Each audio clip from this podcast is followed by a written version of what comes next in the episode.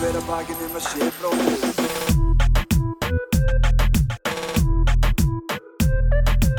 Fyrir hver að bakinn um að sé bróðir eigi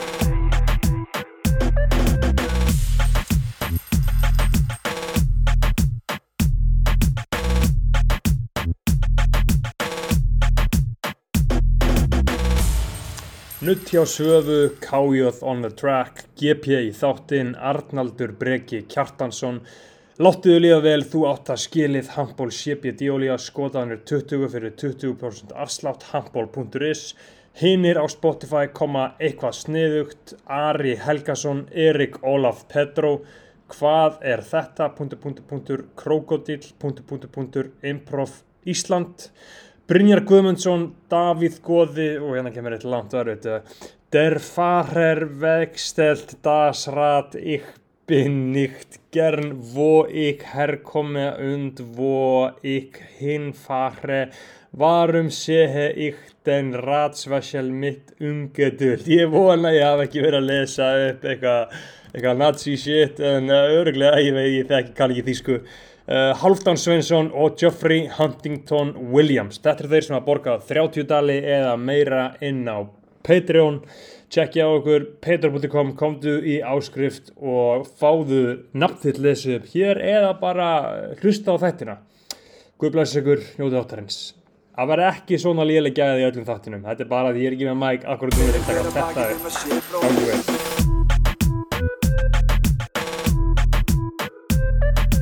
Fyrir hver að bakinn um að sé bróðir eigi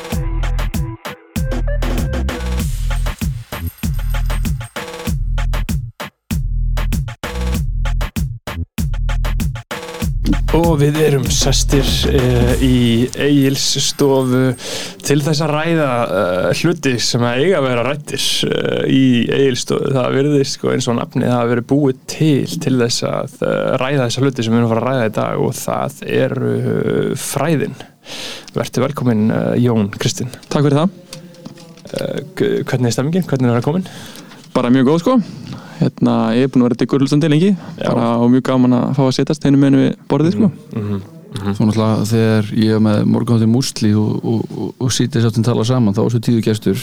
Já, kom ég og var með svona einslög um eitt og annað sem að tengist sög Íslands á helst á 18. og 17. öld. Mm það var fýtt skóli sko. Það var það, ég var allt bóstala í hvert einskipti var ég að komast að einhverjum nýjum Já, einmitt en þetta er samt svona líka sko áhugavert fyrir mig að reyna að komast í svona gasmót sko af því að maður er einhvern veginn ég hef mætt í viðtöl sem eru bara fekk stutt sko. Mhm. þá verður maður yfirleitt að hafa svona eitthvað baka það sem maður segir. Þetta er þetta var undirbúin.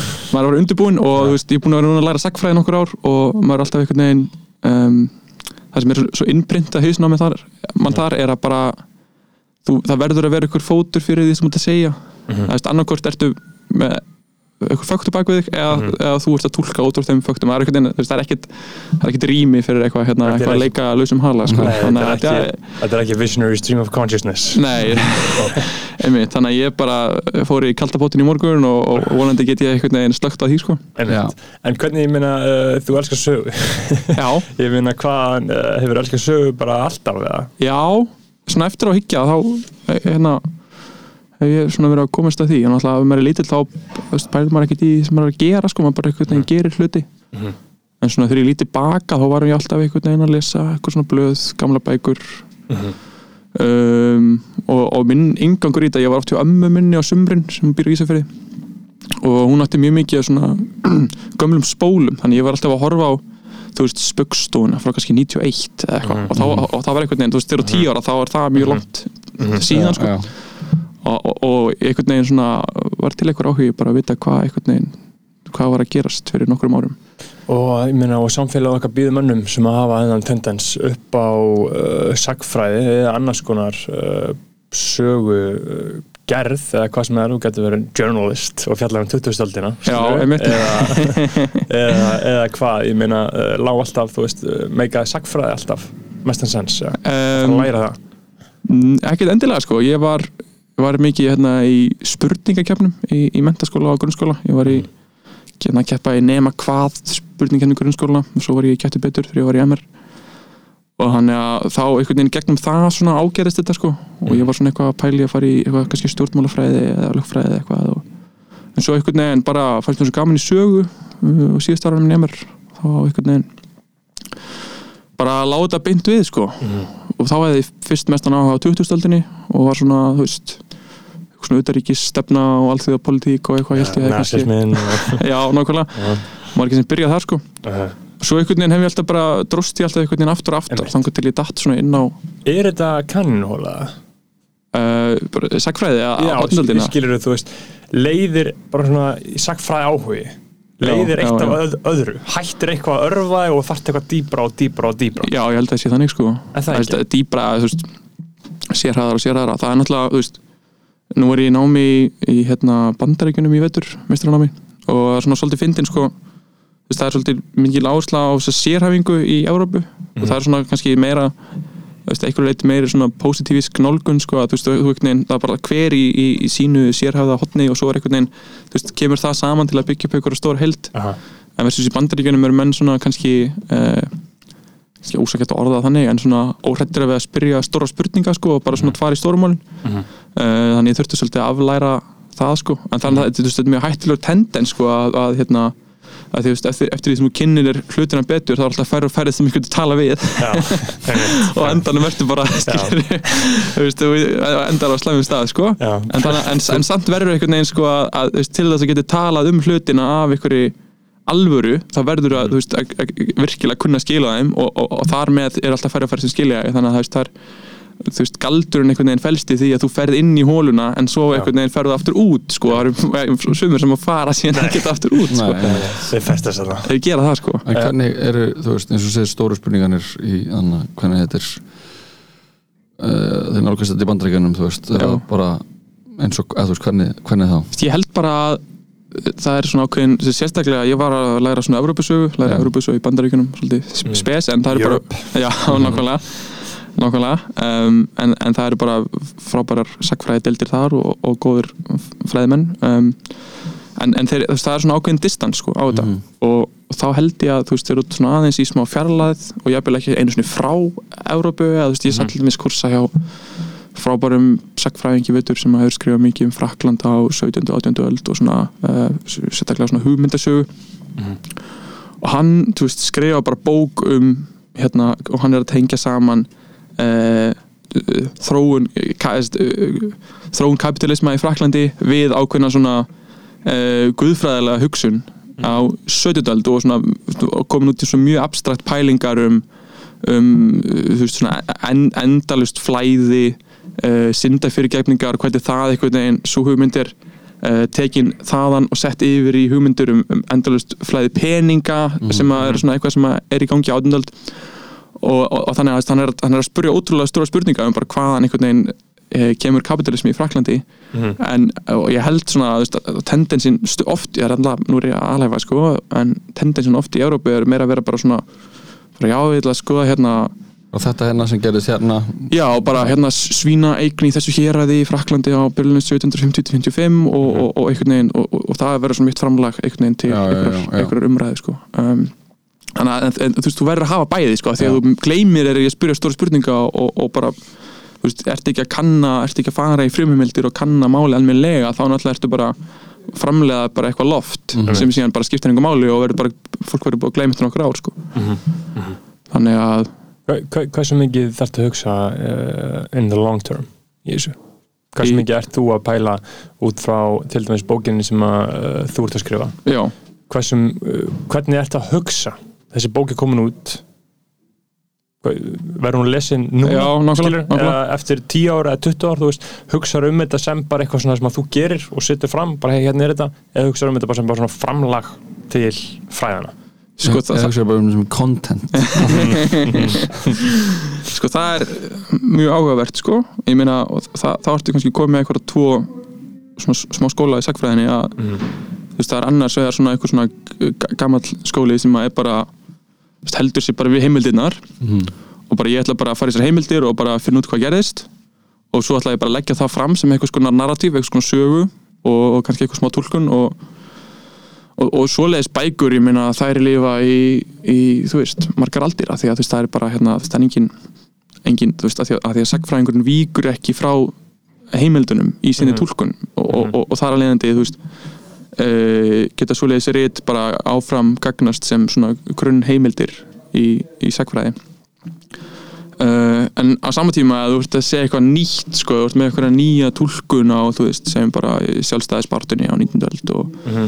Og þá er þú veist þá er það kannski mörguleiti meira spennandi en það eru líka miklu meiri líkur á því að það, verði einhvern veginn eklipsað eftir Akkurat. 10 ár, 20 ár, 30 ár, það er einhver já. nýr kemur nýja túlkun Akkurat. og þú einhvern veginn heyrir sögunni til sko, þannig að þetta er svona einmitt. og ég held að við þurfum bæði sko. Einmitt, þá kemur einhver að segja, sko, hann sagði þetta en actually, uh, þetta já, já, já, já, Actually, ég var að meira like this.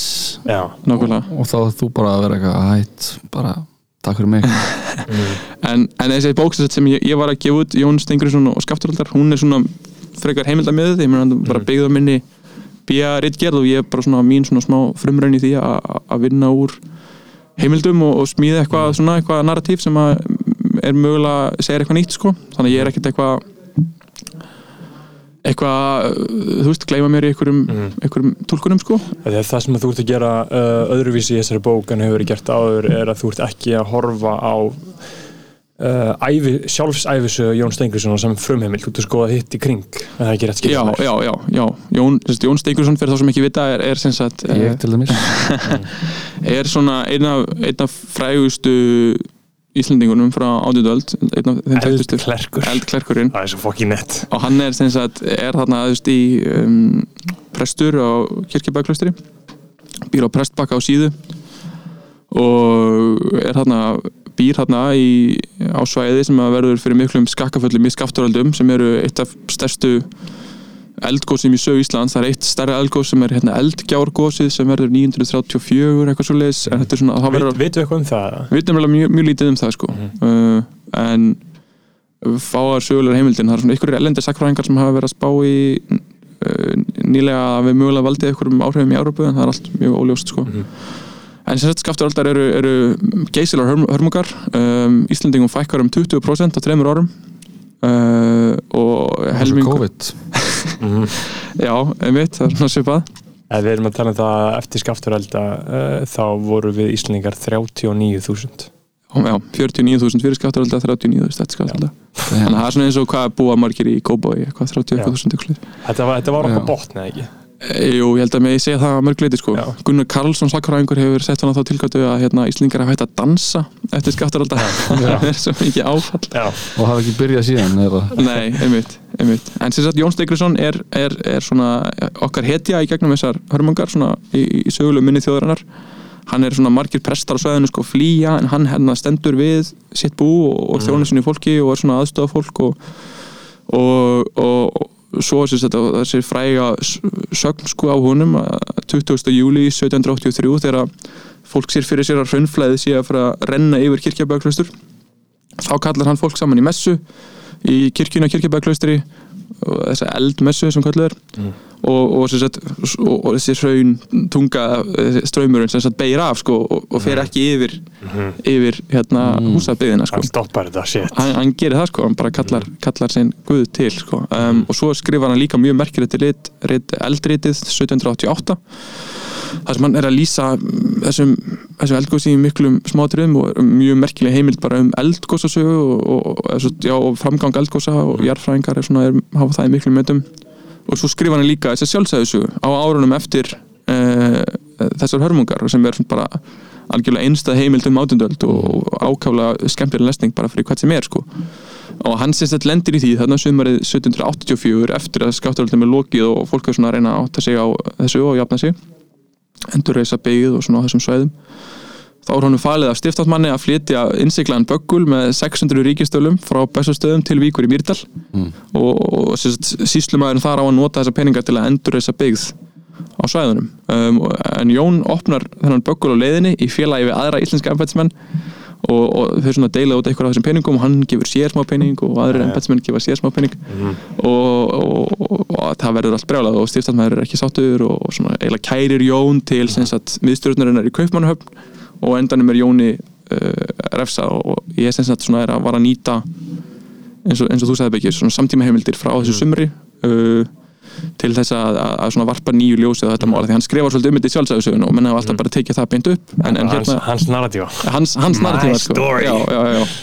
en þannig að hér byrtist sko mynd þar sem í rauninni eru íslensku embætismennir í átökum við dönsku háembætismennin og dönsku miðstjórnina þannig að þetta er svona ákveðin pólitík í þessu sko, sem er mjög interessant sko. En sko þessir uh, prestar og empatismenn hvað voru þeir að gera svona setja skemmtunar þegar voru að taka hana pening skilur, voru þeir að fara bara hvað að glussa skilur, veist, hvað er þeir að gera? Þeir eru bara að reyna að lifa af sko. Jón þeir er- eru ekkert að glussa. Nei, nei, ég meina það er náttúrulega mjög fyndið sko að Sigurður Ólafsson sem var klausturhaldari hérna á Kirkjubæðaklaustri Mhm.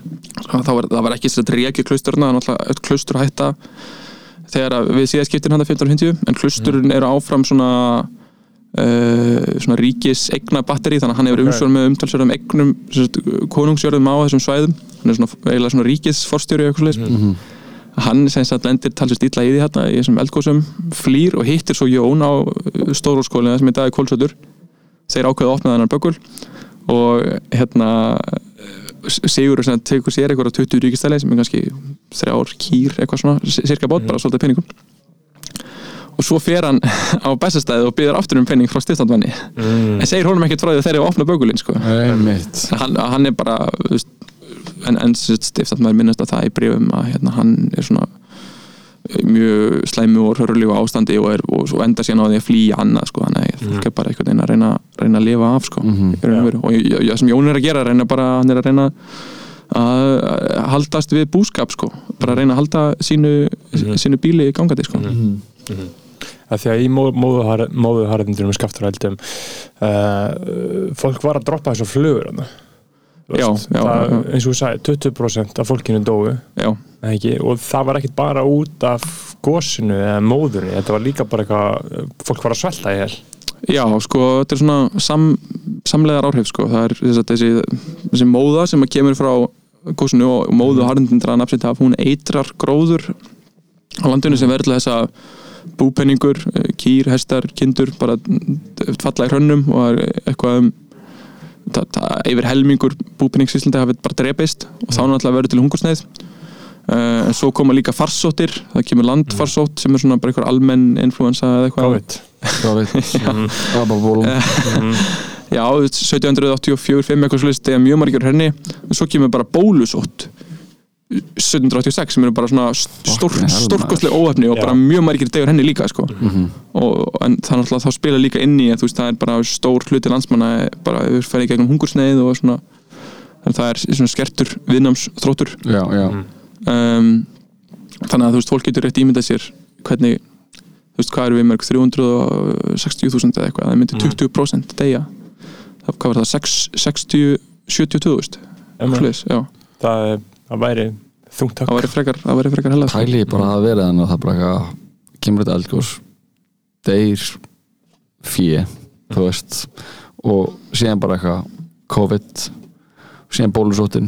Já, pæli ég að vera þannig bara eitthvað oh my god, en þú veist, en maður heyr þetta er nú aðeins öðru í þessu upplýsingadreifing annað heldur en Já, svo- það, það er ekki eins og þetta sé bara eitthvað, heyrðu, það er komið þetta, þú veist. Þau, þau eru ekki með eitthvað þríegi sko. nei, þú veist, þeir þurftu bara að finna þetta að finna þetta á einn skinni eða þú veist, hvernig já, og svo eru samskiptin sko við kaupanöps og st stórkostlega áhugaverð. Mhm. og margt þar sem að ég skil ekki alveg sko, dæmis það er, ok, gósi hefst í byrjun júni 1783 bara strax mjög alvarlegt, það er bara al- alveg ljóst og, og það er bara fyrir að renna hraun þarna yfir uh, vestur skattvarsýslu, þarna bara yfir sumarið, bara alls konar bæir sem fara til hraun og bara hræðilegt ástand fyrstu upplýsingar um gósið berast til kaupmannhafnar 4. september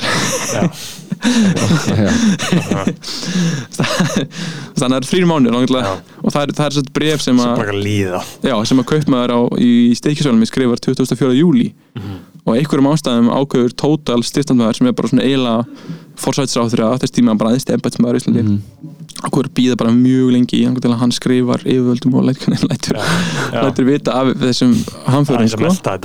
og, og það sem gerist þá er að, að þetta er náttúrulega svona ríkjandi hugmyndar þess tíma þú veist, lögðu mikla áherslu á svona upplýsingaöflun það var alltaf verið að sapna, sapna, sapna upplýsingum sem að kannski síðan var ekki gert neitt sérstaklega mikið við sko. Og ýmsir svona könnunarliðangar sem eru sendir til Íslands átundöld til að mappa út svona, náttúr Íslands og uh, alls, alls konar svo leið sko.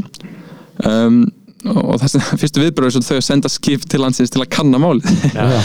Og, og það er sérst Magnús Steffensen sem er, er síðar svona mm, verður dómari og svona einn af þessum stóru fíkurum á Íslandi til loka átundlar og Hans von Leifetsó sem er þýskur aðalsmaður sem er þá 25 ára eða eitthvað að verður síðar styrstandmar í Íslandi og hann er mjög svona þýskur sko og svona hugmyndir hans sem stjórnlandsins voru mjög skjön við hugmyndir íslenskra embætismanna en þeir eru sagt sendir á skipi þannig í lok á, á september 1783 Bara að tjekka þessu. Já, en þeir komast ekki allavega þeir festast í Nóri yfir veturinn. Þannig að svo koma þeir ekki fyrir í apríl. Já. það er góðsig búið sko og, og, og, og meðal annars eru sko Magnús og Leifetsó á eldsvæðunum og hann er einn af þeim sem er svona skamma Jón þarna uh, um sumarið og ekki nú annað með þetta sko. En þetta er svona einhvern veginn erki típist klassist dæmi um bara hvað þessar samgöngur okkar við umheiminn gáttu valdið miklu vandræðum sko. Uh, og síðan, en síðan tala, uh, síðan tala um það að það er mismunandi skoðunar á því uh, hverjum þetta væri raunin að kenna. Margir vilja kenna uh, veist, afleðingar harðendana uh, að hefði Danmörk borið svona uh, minniháttar virðingu fyrir íslensku þjóðinni þá hefði þetta ekki þurft að fara svona. Hvað segja menni það? Já, það eru svona nokkur skólar þessu um, í, í, í sjálfstæðisbartunni á 19. öld þá var svona tilhengt til að kenna dönum um þetta sko og sérstaklega að tala um svona verslunar fyrirkomulæði að það hefði einhvern veginn, þess út af verslunar fyrirkomulægin út af einhverjum verslunni þá hefði við ekki haft veist, nógu mm, miklar matvörur til þess að, að sagt, berðast við þessu um, svo á 20. öld tekur við ákveðin svona getum við sagt eitthvað svona náttúru nauðeikja sko það sem að fólk, s- menn fara bara að pæla í eitthvað svona sveplum í mannfylda og það sé bara hérna hamfarir og þá fer mannfyldi niður og svo fer aftur upp og hlust um, en, en mér sýnist nú svona konsensusin í dag hafi verið sá að, að fólk, menn hafi verið þarna alveg að vilja gerðir út í kaupanum til þess að hjálpa okkur sko. Mm. uh, og það er til dæmis emt til mikillar söfnunar í bara öllu dansnorska ríkjuna það um veturinn 83-84 bara fyrir Íslendinga að sapnast umtalsverður peningur. Hjálpum þeim. Já, nákvæmlega, nákvæmlega og bara byrtar svona frásagnir í dagblöðum og alls konar hérna frímúrarar í hérna Slesvík gefa fullt af pening og Ok, ok. eitthvað svona. En, en svo bara er einhvern veginn veist, framkvæmdin á þessu er bara svo svo slæm og þetta eru bara líka menn sem að hafa svo litla þekkingu á Íslandi hafa aldrei, aldrei kom, komið til Íslands og eru svona eitthvað að reyna að ákveða hvernig nú séu best að hjálpa þeim og eitthvað og, og ætlum, svo, svo hana, eftir, árum eftir eru sendt sendir peningar til landsins Mm. þú veist, hvað það, að borðar það það? ekki sko Nei, nei. þá, þá, þá átti þessi pælingin svo að vera að kau- kaupa búfina í öðrum landslutum að flytja á eldsæðin þá náttúrulega, þú veist, bara, þú dælir bara peningum inn í eitthvað haggjör og þá bara verður til verðbólga og bull sko. þannig að ég held að menn hafi nú verið að vilja gera þið sko, en það er svona eitt af því sem ég er að reyna að gera er að reyna að brjótast undan þessari spurningu sko, af því að hún hefur svolítið svona, svona hangið yfir allir sagnaritun um móðuhændin og svona einhverjum hverjum var þetta að kenna. Já, og, og stórt atrið í því er það er til dæmis það var rætt á einhverjum tímpunkti innan dönsku stjórnsýslunar að bara flytja Íslendinga á Jótlandsheiðar Já. bara að taka alla í burtu það er svona óljóst að, að, sko, að, að hvað litið það var rætt á einhvern alvarlegan hátt sko, hvort það hefur bara verið eitthvað takmarkaður hluti landsmanna eða allir eða eitthvað sko. Einhverju gaur í podcasti en, en, hvað með? en það er svona lífseg saga sko, þannig að þess að bara taka alla íslensku þjóðina uh, og, og bara abandon ship og fara til Jótlands. Já, já, einmitt. En, sem betur fyrir var það ekki, ekki gert sko. Nei, sem betur fyrir maður. En uh, einokuna verslunin, já, hvað er það? Einogunarmesslunin er, er, er fyrirkomulag uh, sem var við líði 1602 til 1787 uh, og, og fól það í sér að, sagt, uh, dönsk stjórnvöld uh, seldu út eða, eða leiðu enga rétt á því að eiga í uh, verslunum við Ísland. Það er að segja bara fyrirtæki það verið bara eitt fyrirtæki í, í annarkvort voru þetta svo kvöldulega svona chartered company sem voru sem sagt, fyrirtæki sem voru er einu enga félögan voru hefðu eitthvað svona tengsl við konungsríkið Einmitt. og sildu til Íslands og versluðu og, og, og hérna komið tilbaka eða þetta voru bara uh, fjölög sem voru bara í beinni ríkisögu sem að sá um sem sagt, þessa verslunum í Ísland sem er náttúrulega bara algjört grundvallaratriði fyrir okkur að, því að þetta voru við, við náum einhvern veginn ekki að framlega allt sem við þurfum og þess vegna Mm. þarf einhver verslun eða þessi stað um, og, og, þess, þetta fyrirmkálega hefur fengið svona heldur slæm eftirmæli uh, sérstaklega í sjálfstæðsbárat á 19. öld þá fyrir einungona verslunin að vera svona einhvern veginn höfuð alls íls sko Mhm. um, En þetta basically þýðir bara að það má engin önnur fyrirtæki eða aðra þjóður koma hingað og selja okkur shit. Já, já, nákvæmlega. og uppræðanlega er þetta, þú veist, leið Danakonungs til þess að íta sko þýsku hansakaupmönunum út úr Íslandsversluninni sko, því hann Mhm. vill einhvern veginn setja að henni Mhm. en, en, en við verðum líka á sama tíma að hafa í huga sko, að þetta er líka bara sko verslunar fyrirkomulag sem er algjörlega ríkjandi í heiminum á þeim tíma sko, veist, svona, það var svona sem að þjóðir konungsríki áttu í viðskiptum og það var veist, svo hugmynd var ríkjandi að viðskipti og alþjóðaverslun væri uh, svona, ef maður slettir svona zero sum game, þú veist að þú, en í dag þá er þú veist, hugmyndin sem leikur til grundaldar alþjóðaviðskipti í dag er svo að báðir aðrar hagnist af viðskiptum Mm. um, og það er þessi jafngildiskenning Ricardo sem að kemur fram á 19. öldinni og þú veist, hugmyndina ok, þú veist, hérna, þjóðir eru betri að hérna, framleiða stál og við erum betri að veiða fisk og þá meikar sens að við skiptum á hérna, stáli og fisk við þá og, og, og, og þannig verður til einhvers konar allserjar veist, harmónia það sem að, það sem að við náum uh, sem, sem bestum sem bestri framleið einhvern veginn og, og bestum benefitum fyrir alla sko og, og Mhm. það er náttúrulega Adam Smith sem að hérna uh, meðal þeirra sem að er, kemur fram með, með þessar hugmyndir undir loka 18. aldar en, en á, á þessum tíma á 17. 18. öld, 16. öld þá er hugmyndin einhvern veginn að þú er að halda öllu innan landamæður á konungsríkisins, Já. þú verður að vernda þína og verður að vernda þína þú veist ekki, reyna að flytja eins lítið inn og getur reyna að flytja meira út og bara svona sapna, sapna, sapna Já. sapna að þér hérna verðmætum sko Mhm. og þannig að veist, eftir að ekki er þetta náttúrulega ekkert sérstaklega sniðugt sko en á Nei. saman tíma náttúrulega treyði þetta það að það komi allavega skipið á vesliðu okkur Mhm. um, þannig að veist, þetta, er, þetta er svona heimssögulegt dæmi sko, þetta er ekki bara eitthvað danir að vera vondir við okkur eins og stundum Og- lagt fram sko En er þetta bara í, í samingi við bara að þarna á 16. öld 17. öld að öll þessi Evróparíki eru að gera ósum sína grænar að leggja undir sig uh, fleiri lönd þú veist, voru Danir að hugsa um Ísland sem nýlendu eins og, eins og þú veist, Frakland voru að hugsa um eitthvað stöfi í Afriku og England þarna í Asju og þar. Já, já, nei ég held að það sé alveg skýrt sko að það er hérna þú veist það er hérna skjál sem var skrifað 1733 sem að eftir mann sem heit Otto Tott okay. sem var svona King. einn af aðal mönnunum innan dönsku stjórnsýslunar hann hefði kannski unnið eitthvað annað en hann fæðist á okkar tíma. Já, já, já, einmitt, þá var hann með OnlyFans. Rosa vinsall OnlyFans. Já. einmitt.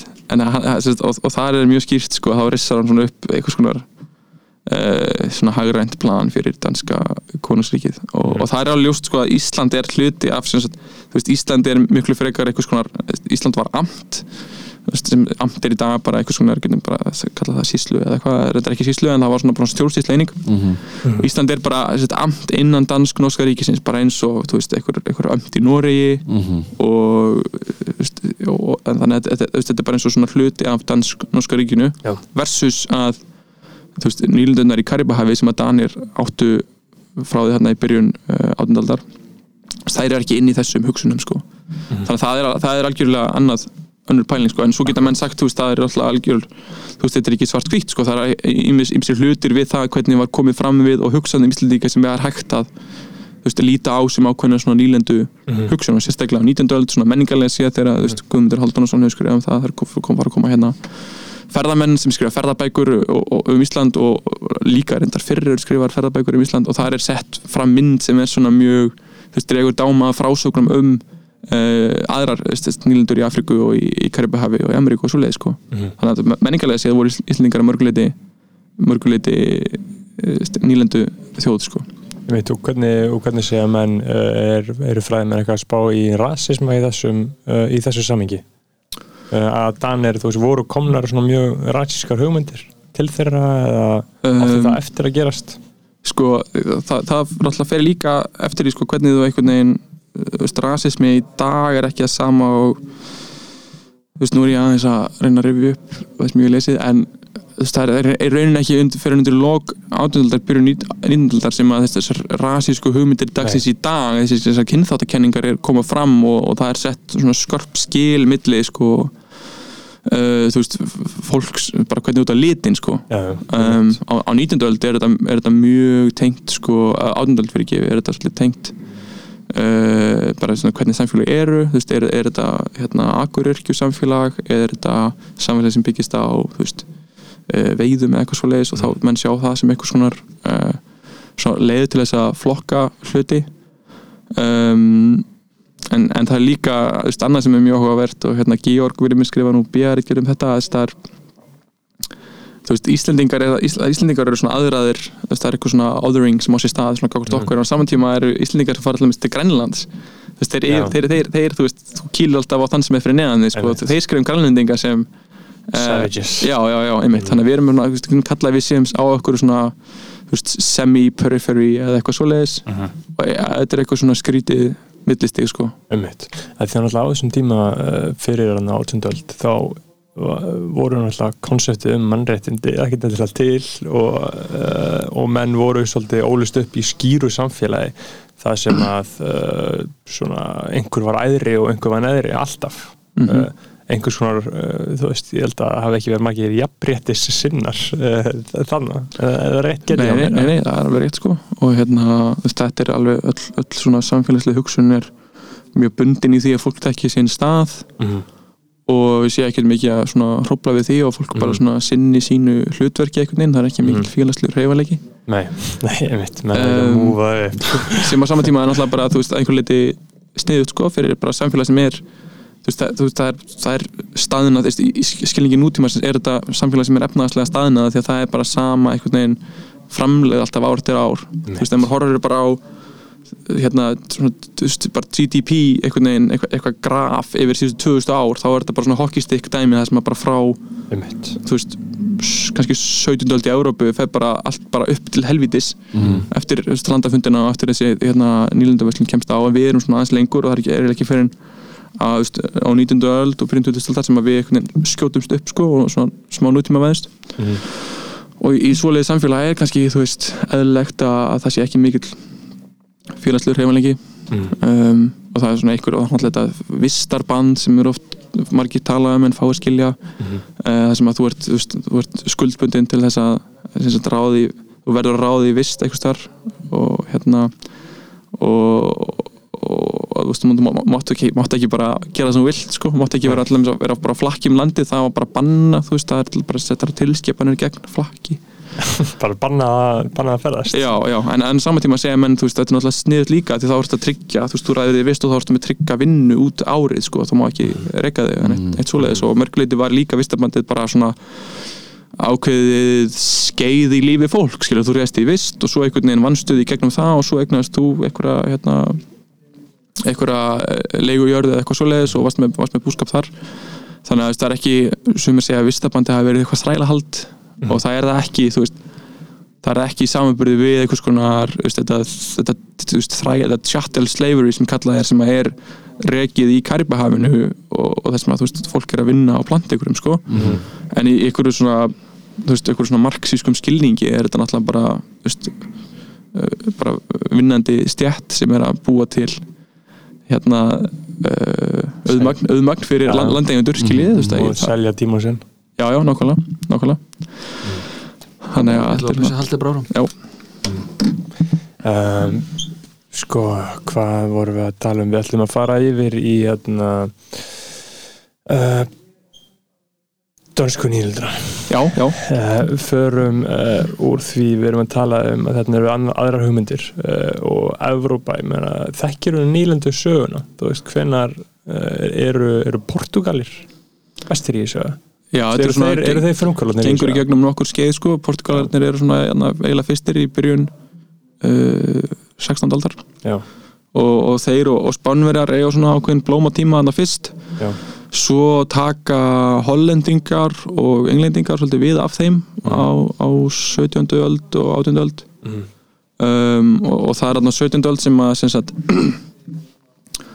uh, þessi um, sko í rauninni eru, eru spánverjarnir uppræðanlega þeir eru bara að safna gulli sko. Bara, bara draga gull út úr nýlundunum í Ameríku. Eða svona, ein- einhver, eða svona í, í grunninn. Mhm. uh, svo að næðan setna þá kemst þessi þrýðningsveslun á þar sem að sem sagt, þú veist, Evrópmenn fara með eitthvað svona, einhverjar vörur postulín, tóbak og eitthvað svona til Afríku kaupa þræla af afrískum höfðingjum sigla með þá yfir allansæði til Karibahafsins Mhm. leggja það í þrældóm til þess að vinna bómull og kaffi og slíka vörur Mhm. og, og fara svo með þær eftir legur og búið að selja þær fyrir mikinn hagnað Mhm. uh, og þetta er svona fyrirkomulega sem kemst á hérna uh, einhverjum að sýrilega á 17. öld og, og þá eru svona lönd eins og veist, Danmörk og Svíþjóð sjá að þarna er eitthvað í gangi og þarna eru veist, englendingar og hollendingar að græða útrúlega mikla peninga Mhm. og að- mörgleiti verður þessi nýlendu sokk svona form, formaliserið sko, það verður eitthvað svona formúla sem að svona lítið ríki fara að apa eftir sko Og hvernig er réttlæta þetta? þau bara eh, gera það ekki sko. Nei. það er bara engin gaggrinnin umræða í, í gangi sko. það er- ekki fyrir undir lók átundaldar sem að það fer af stað eitthvað skonar pólitísk hreyfing gegn mm. Þrælahaldi já, veist, já. Það þannig að fram að því er þetta bara svona aukstar langt í burtu já, bara kongurinn fæði valdi frá Guði og hann segi þetta bara. já og, og, og hérna þú veist, og, og en svona veist, það eru svona einangra rattir sem að kannski eru að tala gegn þú veist, eins og svona frönsku upplýsingamennir eru að tala gegn þessu fyrirkomulagi Mhm. en þá er það oft, þú veist, svona þræla haldarnir eru vondar manneskjur eða þeir sem eru að versla með þræla eru vondar manneskjur en samt einhverju leiti finnst mönnum þetta að vera svona svona, svona necessary evil upp á einhverju marki sko Mhm. um, en það, það er ekki fyrir undir loka átnaldar sem að þetta verður eitthvað svona pólitískri hreyfingu sko og það er alveg svona þú veist, risa stór spurning bara í európski sagfræði af hverju það gerðist sko, alls, alls konar kenningar um það sko Að því að uh, fólk og þeir sem á stjórnu horfðu bara á þetta sem jafn sjálfsagt og að drepa, einhver dýr. já, já, já, já, í, í rauninni sko Mhm. í rauninni sko en, en það er ekki beint eitthvað svona svona systematísk hugmyndafræði Mhm. í kringum þetta Mhm. en það er bara eitthvað neginn svona bara í rauninni litið fram hjá þessu Mhm. um, en sem sagt já þarna á, og svo er það sem eh, ég veist sérstaklega áhugavert er að þarna á 17. öld þá fara svíja og danir að svona gera hósa sína grænar fyrir þessari nýlendu svo sko hérna svíja reyna sko að stopna nýlendu í sem sem heitir Nýja Svíþjóð í bandaríkjunum þar sem í dag er Delaware. Ok, næs maður, heimafylgi Sleepy Joe. heimafylgi Joe Biden.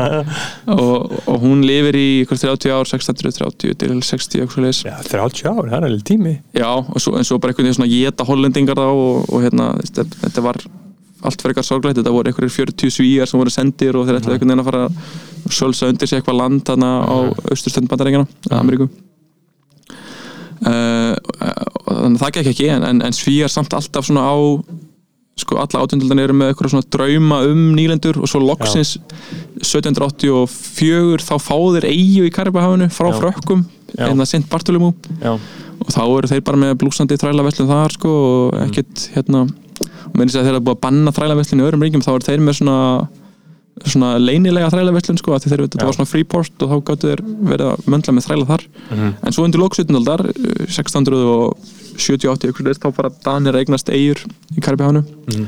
eignast fyrst tvær eigar hérna St. Uh, Thomas St. John og svo bætar við sér St. Croix 1733 sem er svona stærsta eigan þeirra voru þeir að skýra það líka? Þú veist koma sér nöfn frá þeim? um, bara manna ekki, held ekki Nei. þetta eru St. Croix, svona frans þau keftu hana frökkum Mhm. Uh, ég veit ekki með þessar eigar á undan, ég held ekki. Um, og þá eru þeir sem sagt bara með sem sagt, þeir reyna fyrst að senda hvíta eh, Dani, Evrópumenn um, til að vinna hana, einhverja svona fanga og, en það bara gekk ekki, þeir bara drápust í hitanum sko. Já, þá fara þeir að, fara þeir að flytja inn þræla frá Afríku og, og, og sagt, Dani reka þræla verslun alveg frá lokum 17. aldar til 1803 fara að flytja fara til Afríku og sækja þræla og setja þá á eigunum sínar í Karabíu. Já, já, já, þannig, Þeir taka aldrei þrælana hindi Danmarkur um, nei, að örgulega einhverjum tilvíkum var það gert sko, en það var- ekki svona hluti af þessu systemi sko. Nei, um, þannig, að, þannig að þá fara þeir að sigla og, til Afríku og fara með þræla þaðan og, og til Karibasins og eru með bara svona rekta sigur og bómull og eitthvað annað alla átjöndaldina sko. um, en svo eru þess að Danir uh, verða þeir fyrsta ríki til þess að afnema þrælaverslununa sína 1792 uh, og eru svona mjög stoltir af því sko.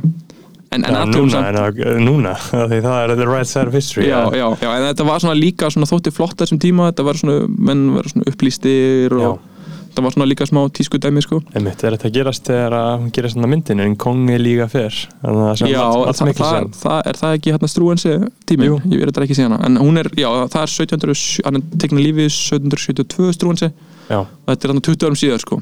Það, það strúensi sendir út einhverjar 2000 tilskipanir svona, mjög svona uh, í enda upplýsingastemnunar Mhm.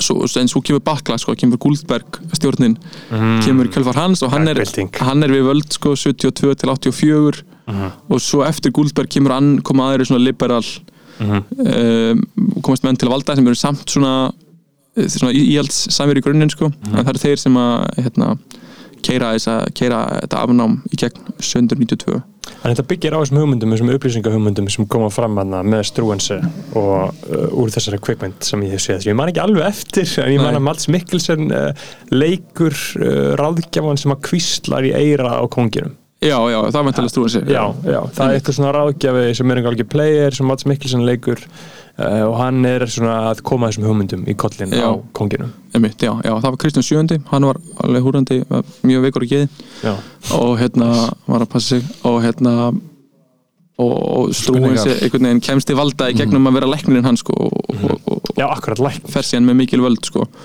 en það sem er náttúrulega áhugavert uh, sérstætt við þetta er þeir eru að sérstætt þræla verslun sem er bara þetta fyrirkomulag að flytja þræla frá Afríku til Karibahafsins og selja mm. þar en þeir eru áfram að halda þræla sko, þeir eru að þræla haldi í gangi. Já, já, já. Ah, og Danir er eiginlega síðan til þess að afnema það.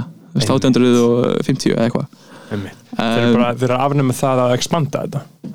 já í rauninni. Og það er svona hugmyndir í gangi um að sagt, einhvern veginn aðeins að bæta lífskjörun þeirra þannig að þannig að sagt, þrælarnir íbúa, þræla íbúafjöldin í nýlundunum verði sjálfbær.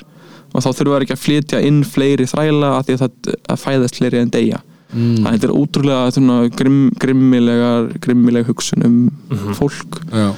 um, en, en þú veist það sem ég ætla að ég kannski að koma að með allt sem hann er veist það er þessi saga er svo mörguleiti óuppgerð á Norrlöndunum og ég held að Norrlandabúar vilji, lítið tala um þetta það hefur verið svona tilsneiðing núna síðustu ár sagfræðingum skandinavísku sagfræðingum til þess að þú veist, fara veginn að gera þessu sögu upp sko. en ég held að sé ekkert mjög mikil stemming fyrir því hjá fólki það eru líka mjög áhugaverða spurningar bara um þú veist, ábyrð sem koma upp veist, eins og með svíþjóð átt á megin hlutin á átnöldin eiga svíjar ekki nýldu en þeir eru samt, þú veist, að framleiða stál og veist, allt, eiginlega allt stál í hérna högum sem er notað á e, plantegrunum í Karabæhafi er búið til í skiljið, þannig að hver er einhvern veginn veist, hvernig að hvað liti þurfa þurf, þurf þeir að gera það upp einhvern veginn? Og þetta, þetta er ekki jafn einfalt og við getum sagt bara já, englendingar voru svona, þeir gerur svona þeir og þessi nýlendur og belgar þeir voru hérna slæmir hérna við fólk í Kongo en, en svíjar áttu ekki nýlendu nema bara eitthvað svona smá og þessin eru þeir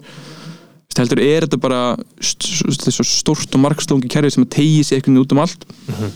Og við verðum einhvern veginn að sko reyna, reyna að skilja þá sögu líka sko. Og það er líka það sem er Hvernig gerum við það? Með því bara að skrifa um hana og þekkja söguna ég í grunninn sko og vera meðvituð um okkar stað í heiminum. En það er líka það sem er kannski smá erður fyrir Íslendinga er að veist, við höfum ekki, Íslendingar eru náttúrulega bara rasistar bara eins og veist, bara allir eiginlega. Og þú veist, einhvern veginn hafa ekki fólk elst bara upp hérna í mjög einslöldu samfélagi og einhvern veginn þarf aldrei að veginn taka það samtal. En en sko, við höfum ekki svona sögulega hvað getur maður sagt? Atbyrði til þess að sko sem við getum notað í eitthvað svona samtal um Nei, þessi vandamál. Veist, eins, og, eins og lönd sem hafa nýldu geta einhvern veginn ég er ekki að segja að það sé jákvægt en, en þá er einhvern veginn hægt að nota hana til þess að gera þessa til upp og til þess að koma í stað einhverju umræð til þess að spegla sig í einhverju sögu. En við einhvern veginn erum svo mikið svona súkulæði í svolítið saman þannig við verðum einhvern veginn að finna einhverja, mm -hmm. einhverja leið til þess að, að gera þessi mál upp einhvern veginn með, út frá einhverjum nútíma atbyrðum þetta eru hlutir, til dæmis á 20. öld er alltaf frækt dæmi þegar Hermann Jónasson fórsættis á þeirra hérna, segir bara nei við gýðinga og flótta við að koma einhvern til lands skilur þannig að það er algjörlega einhver svona einhver atvik sem, sem er hægt að nota Af, til að af, tala af um hverju sagði hann nei? Hvernig er raukstættina? Ég bara, manna ekki, ég held að það bara verið bara basic, bara svona, Nei, we good. Já, bara eitthvað svona andúð, sko. Já, um mitt Já, og það er náttúrulega eru veist, upp, upp í hana, fyrir á 20. öldur upp í svona mjög sikk hugmyndir bara um bara svona eugenics og, og hérna vernda eitthvað kynstofn og eitthvað. Ég veit ekki nefnilega hvort að hann var undir áhrifum af en, en þannig við sko veist, okkur einhvern veginn skortir svo mikið að taka þetta samtal og ég veit ekki, mm. við gert það einhvern veginn gegnum Danmörku að því við vorum hundið að dansk norska ríkinu, samt einhvern veginn ekki. Á, en þannig að ég, veist, ég á engin góð svör við því sko. Þannig að því að þetta samtal og íslenski rassismin fer náttúrulega svolítið bara fram milli fólks aldrei uh, ofinberlega þú veist, uh, sagan sem að leið mann svolítið inn í að spura spurningina sko, hvernig sagan varðvitist og hvernig hún heldur áfram að því að sagan varðvitist náttúrulega með skrásetningu uh, og það sem að er í gangi skrásett er alltaf eitthvað allt annað en það sem er í gangi í alvörunni. Sérstaklega ef maður hugsa svona á, á svona stuttum tíma. Það sem að fólk er að tala um til dæmis bara sísliðin tvö ár milli manna hittist er allt annað en að vera að tala um í fréttinum Já, já, eða í eða sögubækunar er kannski erfitt með að uh, er erfitt með að skilja það og skrásti það því að það er ekki skrásett. Það er einhvern veginn bara uh, þú veist, bara eitthvað slúður, Já, skilja hvað ég meina? Sko náttúrulega við eigum þú veist, náttúrulega heimildir frá þú veist, hérna árunni öld, þú veist, 17. 18. öld sem er bara eins og bref, brefabækur og send bref sem gengum milli manna og það er oft menn gerast oft mjög svona ber orðir í, í svoleiðis heimildum sko og þá kemst maður svona aðeins nær. skemmtilegu sannleikur í því. Já, nákvæmlega, nákvæmlega. En þetta er eitthvað sem ég hugsa mikið um sko, bara hvað verður um hérna, messenger skilabúðan Já. okkar sko, verður hérna, veistu, munu, ef að sakfræðingar framtíðinu verði eiginlega að hafa aðgang að þeim, að, að, að það er bara alveg nöðslegt sko. Já. og þeir bara, einhvern veginn, ég bara, veistu, hvet ég, hugsa ég myndi gera það ekkert bara prenta þetta allt út sko. Já. skil svo skjálasafn svo maður bara ekkert opnið þetta í 80 ári eða eitthvað og svo Nei, er bara einmitt. langt öður og hérna Já. fólk getur kannski, ekkert endilega hefur ykkur áhuga á að fara að skoða, skoða mitt skjálasafn en veist, þetta er eitthvað sem við erum að hugsa um sko, halda öður um þetta Já, ég fór á mjög flotta leiksýningum daginn eða svona sviðsverk það sem uh, voru tvær æsku vinkonur úr, Östubáðskóla sem fjórum árum eldri ég og þannig ég þú veist, man eftir þeim þaðan og, og, og þær voru, þetta var í kjallarunum á, á Hallgrímskirkju þar sem var svona, ég fór alltaf ánga á 50 sko, ég TTT og þær höfðu alltaf verið að hittast þar svona sem enginn vissi að í skólanum. Og þetta var, þetta var svona þetta heitir, heitir svona site specific uh, sviðslist þegar það er einhvern veginn rýmið skilgrinir verkið. Og, anna, og þær sátu þannig að voru að lesa upp MSN samskipti frá sí, sína milli sko frá því að voru að byrja í þannig að klára tíundabæk og byrja í mentaskóla og það er bara svona ótrúlegt að heyra þessi samskipti og bara svona einhvern veginn hvernig bara eitthvað svona þannig að það, það er eitthvað svona ótrúlega fallegt og einhvern veginn svona kannski er það bara að er það bara að geta hort tilbaka og geta einhvern veginn að þú veist ég var gett til að lesa mín MSN samskipti þú veist, mm. hvernig, hvernig maður var að tala og þú veist, þegar maður var eitthvað sjöndabæk skotin í einhverjum með eitthvað hæ, hvað er þetta að gera? Eða eitthvað svona, ég er að gera þetta eitthvað. Og eins líka bara eitthvað svona ég er búin að hugsa um þetta svona þegar maður lítill og var að skrifa bref þú veist, ég á, á eitthvað svona bref frá hana, litlu bræður mínu sem voru á ferðarlega einhverstaðar, þá bara hæ í dag gerði ég þetta og fór þangað, það var gaman. Bæ, Já, bara svona samskipti sem er einhvern veginn ógislega einföld en einhvern veginn svona ótrúlega sönn sko. Já, og núna er þetta náttúrulega bara miklu margslungnara með öllum þú veist, bara eitthvað, allar að vera með að með Messenger, allar að líka vera með DMs á Instagram og bara, og Snapchat og bara að seifa þetta allt sko og en ég held að algjörlega rétt hjá þér sko að maður þarf að, maður þarf að halda upp á þetta sko þótt að þetta geti, veist, það er ábyggilega margt súrt sem leynist þannig þá er, er þetta samt líka mjög margt sem væri mjög áhugavert að skoða einhvern tímann síðan meir sko. Já, og þetta er líka minni mann á sko, að maður fer að pæla í þessu hjá manni sjálfum að þessar segfræður heimildir sem að maður er að nota í dag til að skrifa eitthvað segfræði þetta er þessi fólk að holda á blóði sem er að skrifa þetta fólk sem var til. Mm og það er, þú veist, maður verður að bera til heila virðingu fyrir því sko og þeirra einhvern veginn lífi og sögu. Þú veist, ég var hann eitthvað að pæla í Jóni Stingri sinni og maður getur alveg þú veist, það er, maður getur hleyða einhvernum brefum sem hann skrifar, þú veist þegar hann skrifar hérna stiftat manni og byður um fyrirgefningu og byður hann um að taka við sér sem faðir barni og umfaðmann og eitthvað svona. En ég meina þetta er líka bara maður sem er bara, bara það er bara fullt af fólki kringum hann bara búið að deyja og að missu konuna sína vik, en mánuði síðar og þannig að þú verður einhvern veginn alltaf að vera að það er svo auðvelt bara að gleyma sér í því að bara einhvern veginn svona gera gísa hlutunum og þetta, svona, þetta er svona að fyndi hvernig hann orða þetta eitthvað svona. En þetta er, þetta er bara fólk sem, sem var til bara eins Yeah, og, is real, já, sko. bara eins og, eins og ég og þú sko. Bara, Já. með, bara með sína bara með sín kvíða og sín vandamál sko. já, einmitt. og bara í móðurharðindunum bara hvað það hefur verið real maður. Bara að vakna bara oh, já já hann enn eitt dagur í helvíti. Allt sökkar allir eru dánir ekkert að borða.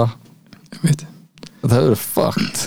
Já, já, þetta er bara ræðilegt og þú veist, eins, þessi, þessi minn kapli í bókinni sem fjallar um Jón hann byrjar á því að hann er að fara fótgangandi frá prestbakka á síðu og nátt kirkjubæða klaustri á bæsastæði mm. til þess að segja þessi pening því það er bara allir hesta í landinu dánir eða döður, kemur við skálalti fær meðmálabrif frá Finni Jónssoni biskup fer með það á bæsastæði og stittan bara ákveður að veitunum, veitunum hérna styrk, svo bara labbar tilbaka Hann er bara að labba þess að bara, bara labba- 300 km já, já, þetta er bara, þetta, þetta er bara í, hann er orðin svaka gamall hann er um 60, 60 bara askafrallu og, og vesen sko. Og þetta er bara, veist, við, okkur, engin leið fyrir okkur að gera okkur í hugalund hvernig þetta hefur eiginlega verið sko, bara e- engin leið sko, ég, veist, ég er bara eins og labba nýra á þjóðböklu, ég tekur okkur hopp eða eitthvað. Uh, og ég ímynda sér að þetta að það sé ekki til myndir á þessu. Eru það ótrúlega sem ég veit um. Já, einmitt. Einmitt, það er endar, sko, ég var á málþingi í síðustu viku um hérna leiðangur Joseph Bank sem var ennskur vísindamaður sem kom til landsins 1772 og það eru, og hann með teiknara með sér sko. Þetta er vissu ekki í móðharndunum sko en þetta er næðans undan. Og, og það, er meðal annars teiknuð mynd sko af Jóni Stengriðsinni sem eru voru að gera tilraunir á honum. Mm. voru að gá honum hérna smá vín og var, var maður að spila flautu fyrir hann. Það voru hann að sjá hvernig það myndi bregðast við Mhm. sem, sem eitthvað svona, eitthvað svona savage maður sko, þetta er náttúrulega bara, bara sérstaklega gott dæmi um svona einhverja kolónial uh, nálgun á Íslandinga sko.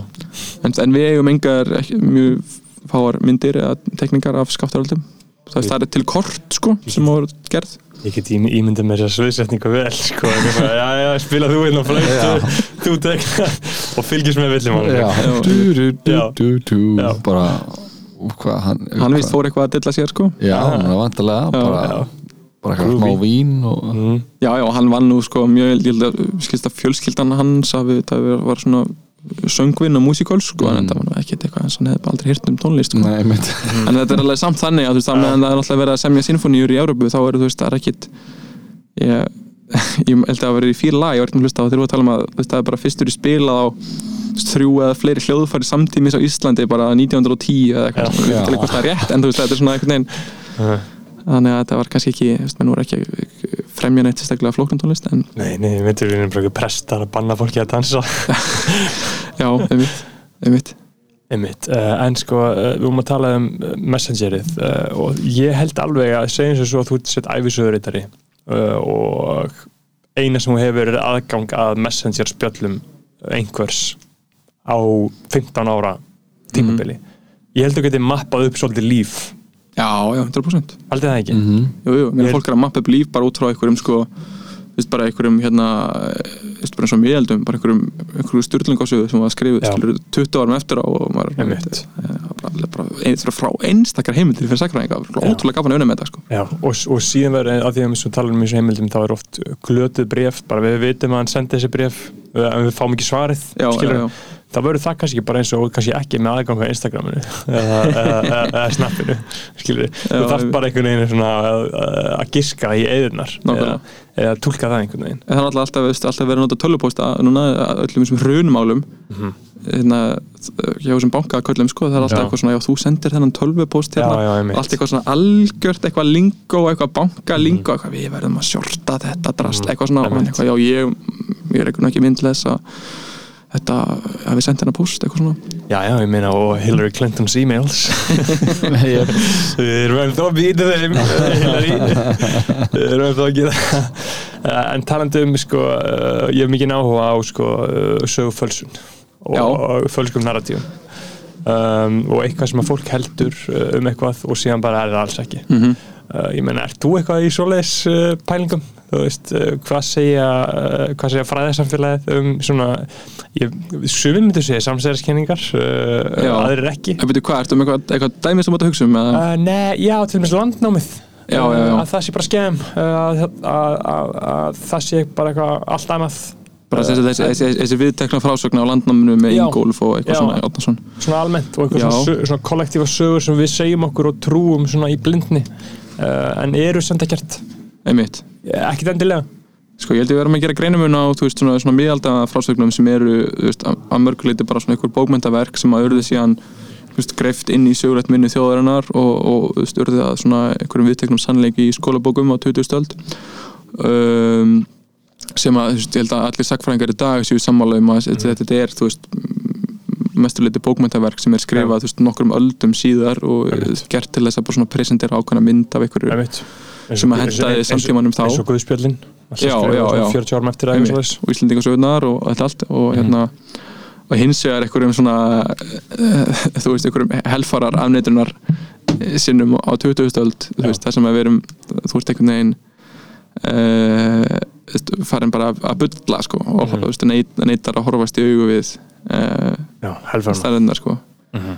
en ég meina það er náttúrulega hlutverk sakfræðinga þú er að, er að koma í staði hvað er að reyna að fletta af Mhm. ofan á hlutum og þú það er eitthvað sem ég var að reyna að gera í sér bók þú veist, bara mjög smáum skala var að taka eitthvað frásögn sem er, þú Mhm. veist, viðtekin og, og, en, þú veist, og bara nýta bara ein- eina frábæru sakfræðilegu reglu um fórgang samtíma heimilda og bara reyna að fara að reyka sig hans aftur til að koma í staði hvað raunverulega gerðist þannig að þú veist, í grunninn er þetta hlutverk um, sakfræðinga og ég, held að það sé sko, fyndi hvernig þetta er ég meina bara, þú tekur bara öll, öll þessi hérna sósíalísku ríki sem að bandaríkjastjórn er að eh, veist, var, var að kúpa á um miðja 20. stöld Mhm. þú, þú, eins og eins og eh, svona, YouTube vinstramenn og svo ég var alltaf að horta á Noam Chomsky að rífast við ykkur að göra Já. bara á þessum tíma bara Noam Mhm. Chomsky að rífast við William Buckley um hvort Mhm. að bandaríkjastjórn hafi þú veist, raunverulega haft einhver, einhver áhrif á veist, einhver valdarán í Nicaragua ekstra, þeir Mhm. bara nepp, nepp og bara það gerist Já. ekki, eitthvað svona Mhm. og ég menn í dag þá er bara, veist, bara til bók sem heitir United States and Right Wing Dictators, það sem heitir bara allt bara skjálfest. Já, bara Eisenhower, þeir bara tala um þetta hvernig að skjöl gera sem þetta já, já, já, Mhm. en einhvern veginn að því að veist, það er liðið einhvern veginn nóg langt síðan Mhm. þá bara þú veist, þá bara einhvern veginn svona, svona fer krafturinn Já, úr þessu, sko. bara. Já, hleðslan fer úr þessu, já. já, já. En út af því að þeir stjórna fjölmjölunum svo mikið, eins og, eins og Chom- Chomsky er bara most cited fræðimæður, most cited uh, og hann kemst ekki viðtal á CNN eða New York Times hafi aldrei tekið viðtal þú veist það er bara já, já, bara svona brútal Putin rittskoðun í bandaríkjum en þú veist hún er bara allt öðruvísa við erum svo mindkontróluð inn í uh, þeirri lúpu sko, já, það er ótrúlega hvernig þú falsa söguna þannig sko. Og Uh, en- bandaríkja mennur líka bara svo ég var þarna í námi í veitur Mhm. og þú veist, það er bara einhvern veginn það er svo bara hugs, hugsunin er svo og, veist, bara skjönu þessum við um að venjast sko, svo margt sem er einhvern veginn ég, ég bjó með manni sem að var læra stjórnmálafræði, hann svona vildi svo fyrir sér eitthvað vel kannski í utanríkistjónustunni eða eitthvað svona Shit, Og það er hérna- góð, gaur sko, þú veist, tekið tekið tánum en hann, hans einhvern veginn sína á þetta var bara svo að þú veist, það er svona löndan út í heimi sem er að ströggla og það sem þau vantar er bara eitthvað svona tæknileg þekking bara svona hjálpa Democracy and freedom Já, það er bara eitthvað svona, það er bara svona, bara svona tæknileg, bara eitthvað svona verkfræð þekking það er þess vegna, þannig að ástæðan er bara, þeir, þeir eru búin að vera að plöndera heiminn og þú veist, Já, skemma hluti, sko. Það er ykkur að kenna að þau sé ekki með þessa tækni. Já, já, eitthvað leiti, en veist, þetta, er svona einhvern veginn svo margt sem maður, sem maður skilur ekki, sko. En sko ég er hérna með sem ég langar að lesa upp úr hérna, úr bók sem heitir Bronze Age Mindset uh, og það er sem sagt svona uh, heldur skemmtileg bók kannast ekki af hérna Ég hef bara því tala um hana í uh, þáttunum, sko Já, já, einmitt, einmitt. Hún er fyrir þá lustundur sem að þekkja þennan gæja ekki, þá er þetta svona, þetta er svona alltrætt litteratúr, sko. Uh, og hann er svona rosa mikið að endur skoða hvernig sjáum allt, skilur, og hann tala mikið um svona The Global Enslavement Project sem að ég er alveg til í, við erum búin að tala um þrælahald hér, sko, ég er alveg þeirra að trúa að þú veist, við erum alveg með þrælahald fullkomlega í gangi allstar í heiminum núna en það er bara búið að mindkontróla fólk í að vilja skilur, þú vilt fara í e-mail vinnuna eina, skilur þú vilt fara að sitja sér nákvæmlega skrifstofu uh, 8 tíma á dag, uh, 11 mánuði ársins og láta einhvern segja þér hvað þú átt að gera. Já. þú vilt það, það er búið að mindkontróla að Uh, og ef þú tala við brónsaldarmann um þetta skilur, þetta er bara absúrt hugsun, en það er bara búið að mindkontróla okkur. Og ég segi mindkontról þá hljómar eins og einhver samsæðarsnöttari en en hvað annað er það, skilur, það er búið að breyta viljum okkar og þrám okkar í þetta. Já, bara búið að þróa hugmyndafræði sem er bara við- einhvern veginn, við erum öll orðin allt í nú sammála um að sé bara málið. Já, einmitt, einmitt og þannig er það bara 11 mánuður árið 9-5 ekkert Já. breytt svo þér og ekkert breytt svo heiminum. Bara, já, já, let's go. En uh, mindset, Bronsets pervert sem skrifar uh, Bronsets mindset. Talar svolítið um alls konar svona uh, mýtur, sko, þetta er svona mjög örfandi fyrir mig. Ég ætla að lesa upp hérna það sem hann talar sko um sögu. Hann segir hérna Look at Thucydides who is a great man and the genius of the ages. He seeks to outdo Herodotus sem er fyrsti sakfræðingurinn en það ekki, rétt hjá mér. Já, þú veist, þessi Thucydides seeks to outdo Herodotus and this pattern is followed throughout all antiquity Each great historian was setting to outdo his predecessor as a rival. Do you think they made some things up? How much do you think then that the scholar, the scribe, the vain monk, the nerd as a type is likely to lie? They will lie for more than you think. The nerd, more than a Thucydides, is possessed by infinitely greater mendacity and also vanity, jealousy, spite, and pettiness. Don't you think such people, who for the longest time in the form of the monk were the only keepers and copiers of texts from antiquity, don't you think they would be willing to change the text, to add and even to make up entire books and authors? Uh, corroborations from third sources will, would be relatively easy to manufacture as well. Þannig talar hann um uh, bara skrásetjar sögunar sem að voru alltaf að reyna að átúa hvernig já, já. og hann talar um þess að nerd típu munkurinn skilur bara í kubli að skrifa á pergament bara í kubli og alltaf að reyna svona one-up að það næsta Já, skilurðu. já, já, já. Uh, og mér finnst það svolítið góð bundir hjá hann uh, myndi hann ekki vilja að slá í gegn eitthvað, hei, þessi gerir þetta skilur já, já, já. uh, hvað finnst ykkur? Jú, ég held að sé alveg sko, ég náttúrulega er ekki, ekki stúdiraði svona fornaldar sögu sko, ég tók Nei. eitt kurs síðast á vetur um hérna stjórnstólaugsni í Greiklandi forna þá var ég með alltaf að spyrja mig að þessu sko, þú veist, það náttúrulega, ég var spurði bara eftir tíma bara, já, einhvern veginn við vorum að pæla í hérna í þú veist, einhverju, einhverju textarti plata og eða eftir þú getið þess að ég manna ekki alveg. Og maður er bara, já, betur, hvenar er uh, sem sagt, elsta handritið að þessari sögu? Síðan hvernig er það, þú veit, kannski saga sem maður telum að hafa verið skrifið eitthvað tímann þú veist, á 50 öld eða eitthvað 400 eitthvað fyrir krist, 700 eitthvað fyrir krist. Og mann eitthvað, já, sem sagt, elsta handritið er frá 800 öld eftir krist eða, þú veist, eða frá 50 öld eða bara svona 1000 árum sér eða Já, já. Já, já. 400 árum sér eða eitthvað svona. Já, og ég held að þá, þú veist, að verður eitthvað nefn bara að reyna, auðvitað náttúrulega þarftu bara að vinna með það sem þú hefur. Mhm. og það er þú bara, það er ekkert, þú flýr það ekki. Þú veist, þú getur ekki farið í tímavél þannig að þú bara verður eitthvað að vinna með það sem þú hefur. En á sama tíma, þú veist, fyrir mig þess vegna kannski hef ég líka dreigja að þessu, að þessu tímabili sem þú veist, 17. öldöld þessi, þetta early modern, árnýjöldin Mhm. að því að þú veist, allt, þú veist, fyrir það þú ert komin aftur á miðaldir, þá er þetta svo mikil svona bókmyndafræði, sko, þetta er svo mikla túlkanir þá þú hefur svo lítið til að vinna með þú veist, það er svo mikið að leggja út af hlutum og ég, veist, ég, meina, ég held að það sé alveg rétt og það er líka alveg stúdering út af fyrir sig það eru menn sem hérna, fólk sem hefur skoðað þú veist, hvernig hérna, skrifarar breyta handritum þú veist, að við eigum eiga líka eitthvað dæmi um það hvernig handrit, þú veist, eitthvað, Einmitt. eitthvað sögu, sko, hvernig handrit breytast milli skrifara og það er oft þeir eru oft að bæta við og þýðendur Já. eru að bæta við og breyta og svo framvegis. Bæti einhvern karakterinn sem þeir fíla þannig að, ég held að það sé alveg rétt sko. En, en veist, þetta breytist aðeins á e, á upp úr 1500 Já, eða svona, þá fer það að eignast svona persónulegar heimildir og bref og, og svoleiðis. Mm. Þetta er bara svo geggjur pæling að vera bara bit- bitur nördi skilur, pyrraður skilur, og allt í henni hefur þetta vald skilur, Já, já, eh, og getur hent í einhverjum einmitt, uh, þú veist, maður veit ekki en, og síðan erum við bara operandi út frá þessu. Einhverju sem okkur er sagt. Já, já og fólk er búið til einhverjar sögur og eitthvað Uh, sko. En uh, að, að lokum hjá okkur þá uh, varst þú að segja okkur frá uh, Ritgerð sem þú skrifaðir um uh, fyrsta Íslandingin til að vera cancelled? Já, já, einmitt, einmitt, einmitt. Það var hérna einmitt, skrifaði kursarið ég er veitur um mann mitt Ítlu Jónsson var Mhm. prestur hérna á Suðurlandi. Uh, og kom út í hérna heimilda útgáfu sem, sem að pappi þinga út, Már Jónsson, Mhm. Galdur og Guðlast uh, Mhm. skjölum um galdramál á, á 17. og 18. öld Þa, það eru bara þessi bók, hún er í tveimum bindum ég á eftir að lesa hana, Já, Eh, já, já. þetta eru bara skjöl eða ekki, þetta eru bara svona staðirindir bara eins og, eins og sko. maður tala um áðan það er enginn að fara að koma og one-uppa hann með því, annarkvið Nei, nei, nei, nákvæmlega, nákvæmlega sko. bara kannski bæta við ykkur heimildum eða eitthvað uh, og þetta var svo, mjög, svo áhugavert að því hann er, þetta er svona galdra, þetta galdraæði er svona að koma til Íslands í kringum, að fyrsta galdrabrann á Íslandi sé 624 eitthvað svo æði, það er ekki ekki já, og hann hérna er sem sagt prestur hérna á Sjölandi í Rangavalla síslu, ég man ekki alveg hvar. Og það er sem sagt einstaklingur hérna í sókninni sem að ásakar hann um að hafa hann er nýbúin að taka embætt og hann ásakar hann um að hafa valdið sem sagt vera valdur að sínum veikindum þetta er einhver einstaklingur sem er díla við eitthvað veikindi og hann ásakar þennan prestum að hafa fram með eitthvað galdur og gert hann veikan. Ok, uh, og það er sem sagt kallað saman einhver svona, einhver, einhver dómur og þetta er bara svona, stendur bara skýrt í þessum heimildum og, og hérna þessi, þessi ákærandi er beðin um eitthvað svona, já, betur, hvernig hérna?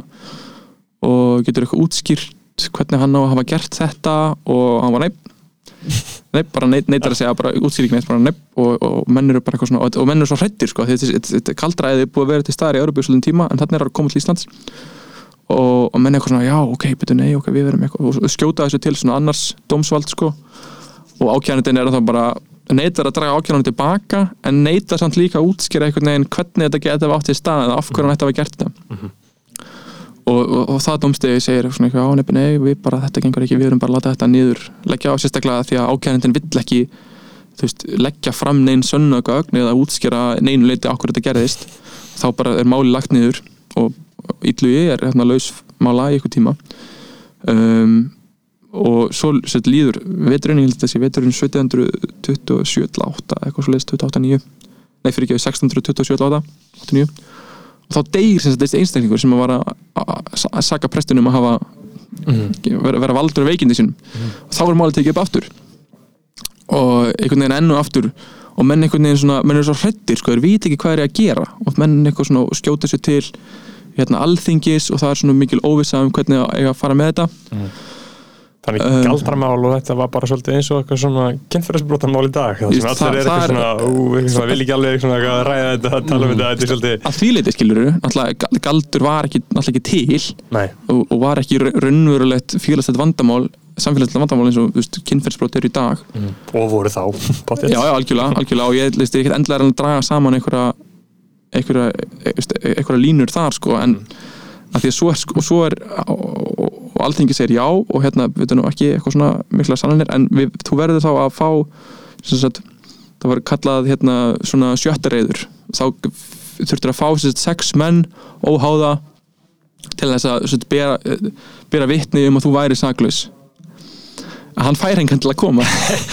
Hann gengur bara svo illa og hann fer eitthvað norður þar sem að pappans bjó og fær eitthvað menn þar til þess að sverja eið og, og, þeir taka því ekki gilt að vera eitthvað að vera á sveitinni. Og hann er búin að fá eitthvað nokkra sem síðan hætta við. Og, og, og þannig að hann er bara dæmdur frá embæti og, og, og endanum kemur hérna, hérna lenseran og hann er eitthvað svona já og við- þú skulum uh, fría þessum sökum en, en þú mátt ekki sagt, verða prestur aftur. Og, svo er síðasta heimildur um þetta sem er prentið í bókinni er tímann þú veist, frá 1640-50 eitthvað slags og þá er hann komin eitthvað á Östurland og er, er að reyna að fá eitthvað, eitthvað, eitthvað styrk þar eða að reyna að fá uppreist æru til þess að geta þess að tekið við sem prestur ekstra aftur. Shit. og menn eru bara nei, þetta, þetta gengur ekki því mér. Þannig að hann er aldrei dæmdur það er engin sönnunagögn en það er bara einhver svona einhver ótti og eitthvað sem grýpur um sig. Einmitt. og menn bara vilja ekki koma nált þessu. Og meina, og að vera prestur þarna er svolítið svipa og vera bara að syngja það er þín orð þú veist, ef maður svona getur ímyndið sér svona, uh, svona hvað samfélagið hillir já, já, einmitt, einmitt. Þannig að það er alls konar hlistaður maður getur hugsað um alls konar mál. Já, já, já. En mér finnst það svona vera eitthvað leiti svona fyrsti Íslendingurinn til að vera Já, cancelaður og cancelaður sannarlega af sko, bara, þetta er bara hundurinn Lukas dæmi sko. já, já, Mm. domstólgötunar Já, norðnarvegar já, fólki í Rangavallsísli hefur komið út með heikafluna já, einmitt. E- ef þið mynduðu sko Anna, Jón, ef þú getur farið í tímavel einhvert aftur, við fara á okkur eitt stað já, er eitthvað svona er, eitthvað svona tímabil eða eitthvað svæði eða eitthvað svona sem sem á hugðin? Já, einmitt ég væri bara til að fara eitthvað vestur á fyrir því sko. bara Já. 18. 17. öld, eitthvað svoleið sko. já, þú ég, er ekki viljað fara bara til Gríkjana eða, Nei, ég tala enga grísku sko. nei, ég, veist, ég, ég, veginn, ég er þaðan sko, báða fólkdur mínir á Ísafirði Mhm. og ég var fættur þar og hérna einhvern veginn allt svona mitt ættartría er bara Já, þar upp sko alla leið sko Einmitt. þannig ég var einhvern veginn til í að fara að þanga alltaf bara að reyna að skilja alla, þú veist, alla bælinguna og allt sem er í gangi sko já, Æ, því að ég meina þessi Ylegu Jónsson hefur verið að ganga um bara með bara, tilfinningar. Já, ég, ég, glemdi líka að segja það, ég, það sem ég komst að í lókinn þegar ég var að skrifa reitgerðana, hann er forfæð minn. Aha, eins og örgulega margra sko. Já, ok. en hérna, það það var líka svolítið svona smá, smá sjokk veginn. Já, en það var svona fjölskyldu, ég sagði það nú við story. kansalegt fyrir þetta viðtal þannig að það er svona komið hringin sko. Já, já, það er fínt bara.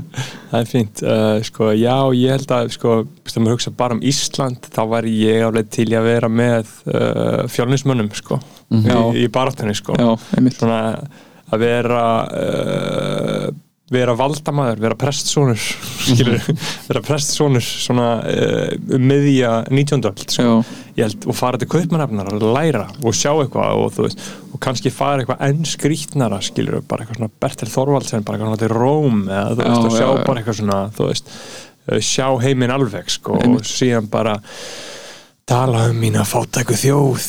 Og þetta, þetta guðsvólaða land sko og svona og styðja það og, og vera með því sko því að ég er náttúrulega mikið, hugsa mikið um sko forfæður minn Jón, Jón Tóruðsen sko að þú veist að að fara, uh, vera komin að valda fólki og fá að fara til kaupanafnar og, þarna, og fara að læra og skrifa skáldsug og berja sér stríði skilur Já, veist uh, og, þarna, og koma síðan bara heim í góða síslumannstöðu skilur þú veist og láta þau redda einhverju konu fyrir skilur og bara eitthvað og lifa svolítið þægilega þannig sko. Já, Uh, ég held að uh, það sé tölvört auðveldar að lífa lífið mitt í dag sko. Já, Svo sem held ég bara að lýsa smá bara svona hliðstæðu af lífið þínu í dag. Já, á já. einhver leveli sko ég er kannski að chasea þetta svona í, í undir Já, sko. já. en svo bara farið skilur síkingu í tanna og drefst já, sko Já, einmitt. ég er búin að einmitt að díla við ég fekk svona jafn flýs í puttan úr, Já. úr hana, la- sturtu í lánsbústa sem ég var í sumar og ég er búin að vera að díla við þetta bara í þrjá mánu og ég Já. hugsa mjög oft bara eitthvað fuck, ef þetta hefði bara verið í gamla dag þá var ég bara Já. komið drep í puttan Einmitt. Já, já, var búið að taka það höndina er að Já. mér já já það er maður svo margir svona, svona lúserleir lúserlegar leiðir til þess að fara sko. já Fót- ekki valhalla sko. Já, fá sull í fótinn veist, vera en bara bara alltaf með bara eitthvað fokkin sull í Já, fætin já, já, einmitt. Já, ég held að ég myndi samsvara með mjög vel sko, þar sem að menn gáttu verið út að lappa og inn í einhverjum herbyggjum að hugsa. Skilur, bara svona pæli einhver skilur, ekki svona sjá hvernig gera þetta. Og ekki að stjórna. Ég, ég myndi ekki fíla það að vera einhver að stjórna einhverju, ekki að segja fólki hvernig það á að vera, skilur, en ég var bara til að vera að þróa einhver koncept. Þú veist, við erum svona hugmyndafræðilega svona, þú veist, uh, eins og sjálfstæðisbartan, skilur, það er Já, mjög heillandi já, sko. Ég held samt að það sé smá svona Never meet your heroes dæmi sko Já, Fjölnismennir sko Alveg potið, sko, þetta voru svo öruglega svolítið sköllaði menn, sko. 165, alkálistar Já. einhvern veginn Já, já, en með fína pælingar, sko. já, já, já, Svo já. heilbriða uh, þjóðninsíkju, sko. Já, einmitt. Heilbriða þjóðninsíkju, sko, og, og skrítið hvernig þeir komust að því, sko. Veist, ég held að ég myndi ekki fíla að vera eitthvað uh, vi- Viking Age, sko. Uh, að að fara eitthvað til Rússland, að ræna eitthvað þorp og eitthvað, Nei, en þú Nei, ég veit það ekki alveg sko. Ég, veist, mér finnst mjög skemmtileg pæling að fara einhvert og bara taka bluetooth hátalar og vape með mér, þú veist, og Mhm. bara bara alltaf svona aðeins að búa til eitthvað svona ripple effect í, í sögunni sko vera með soundbox Vera með soundbox. Já. dölum bara á já. spila tónlistamannin Hugo fyrir hana kemur einhver pressfrú út og bara Já. fær hjartafall Já. en, en þú veist, ég finnst mér líka bara eitthvað svona, þú veist, hugmyndin bara að þú veist, ég náttúrulega hann elst upp í, við káðsku trú sko, þannig að þú veist, mér veist einhvern hugmyndir líka bara eitthvað með að, að vera prestur einhvern mann, þú veist. Ég, veit, ég, ég er ekki með neina dagsenningar en þú veist, tíman á neinum bara þú veist, þegar fólk bara hafi ekki séð neitt nema bara eitthvað skelvilegan skýta alla sína æfi og koma inn í kirkju og sjá bara eitthvað heyra bara eitthvað fallega tónlist og sjá bara eitthvað sjá guðdóminn, þú veist. Einmitt mér finnst það eitthvað frekar epist líka sko Já, einmitt, einmitt já, það er líka veist, eitthvað sem maður veldur fyrir sér með þú veist, þessar eins og þetta sem þið svolítið múin að tala um svona enn enn nútíma svona spiritualisma og mm. -hmm. eitthvað tolli og allt þetta mm -hmm. þú veist, hvort að menn einhvern veginn þessir prestar í gamla dag hafi verið raunverulega einhvern veginn Mhm. þannig sinnara því að það einhvern veginn er ekki beint, skýn ekki beint í gegn í þessum heimildum sko. Nei, ég held að hafi verið sko bara svona svolítið bæði og sko. Já, það feir bara eftir hvern, hvern, hvernig þú varst skilur eins og Átni Magnússon fór að læra guðfræði skilur uh, og það, það var örugglega ennþá það tróp í gangi eins og er í dag að menn sem að eru svolítið uh, fíla þetta að fara í guðfræði og missa trúna skilur, þú veist, það er mjög þekkt skilur, og gerist rosa mikið sko. uh, og ég held að þetta sé ég held að hafi verið mjög mismunandi eftir, eftir mönnum sko. Já, eftir mönnum, af því að þú veist, þú getur svo léttil að vera því að, eins og ég var að segja að vera prestur var að vera gaur með gítar upp á sviði, skilur, þú veist.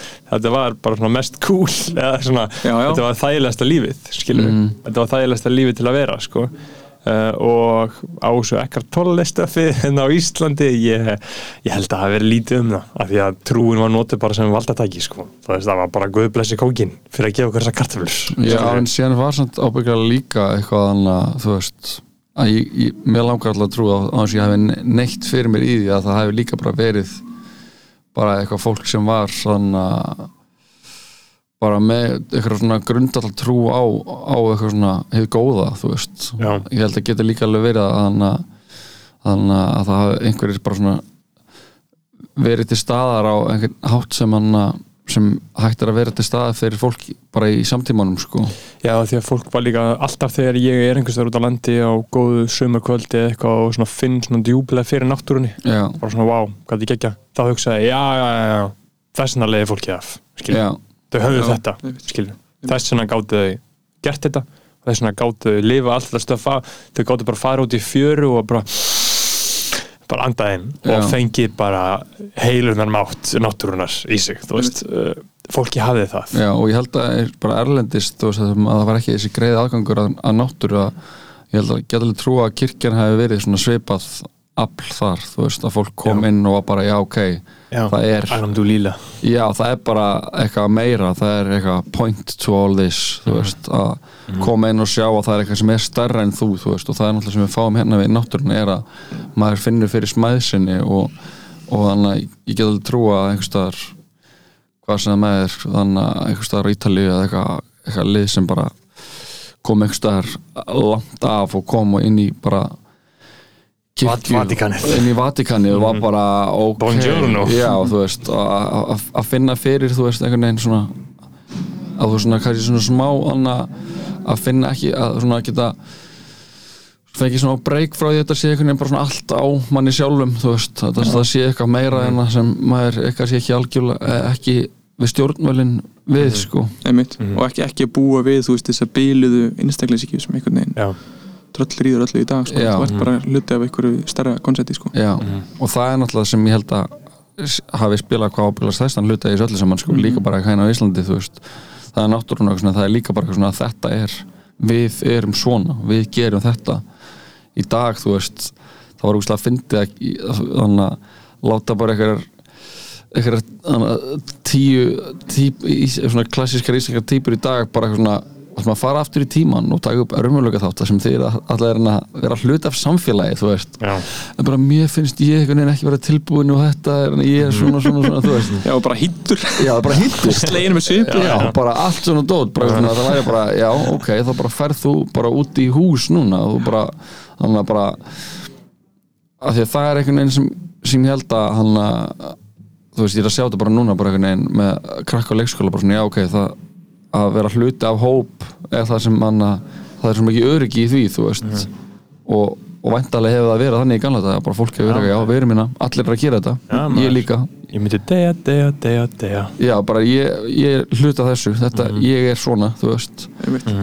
þannig að kannski er ákveðin svona hluti af óförum okkur í dag er að við erum hætt að sjá okkur einhvern veginn sem hluti af einhverju. Það er allir bara Já, það er líka bara allt, sko, veist, allt gerist í svo hægum takti með við í dag, sko. já, já, veist, Þetta þarf ekki að gera meira en að skoða bara hlusta á útvarsviðtöl frá miður í 20 stöld og það er bara eins og þú myndir setja þetta podcast á bara 0,5 mm -hmm. Mann er bara að tala saman, gefa sér tíma í að hugsa um hlutina. Já, bara já. Og hérna, og þetta er einhvern veginn úst, allt þessi frábær grein eftir hérna breska sakvarengin E.B. Thompson það sem hann er að, veist, hann, er að kórulera sko, veist, það hvernig við mælum og fylgjumst með tíma við framgang.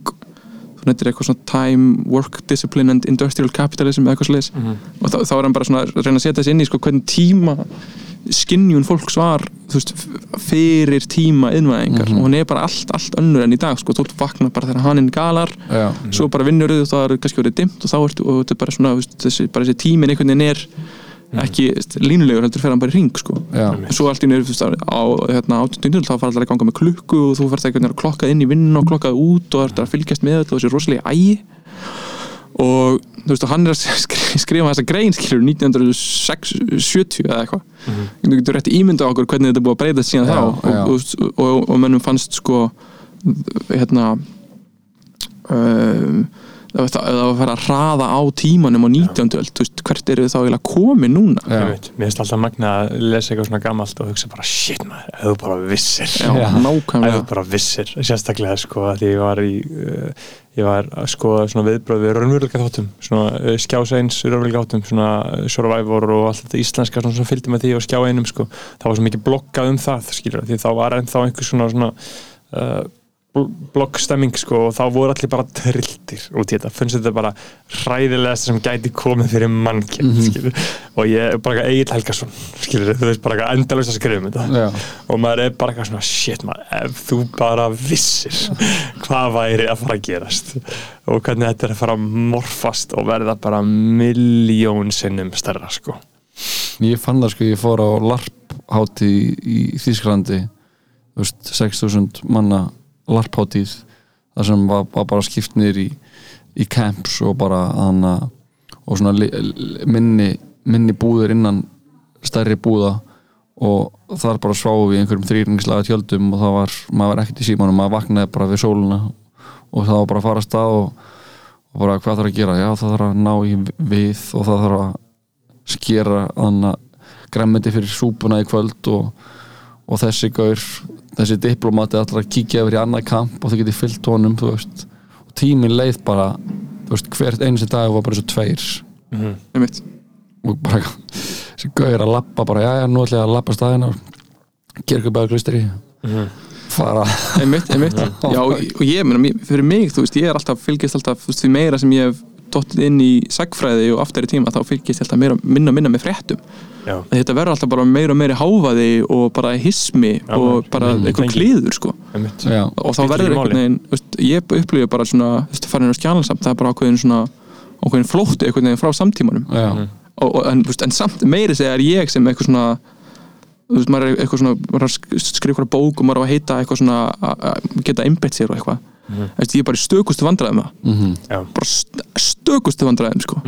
Ég sé mér alltaf að kalla það ja. já, þú veist, ég er búin að vera að gera eitthvað Nokia síma tilraun núna sko. Það ég er bara- það ekki einhvern sem er fráls, fráls frá þessu?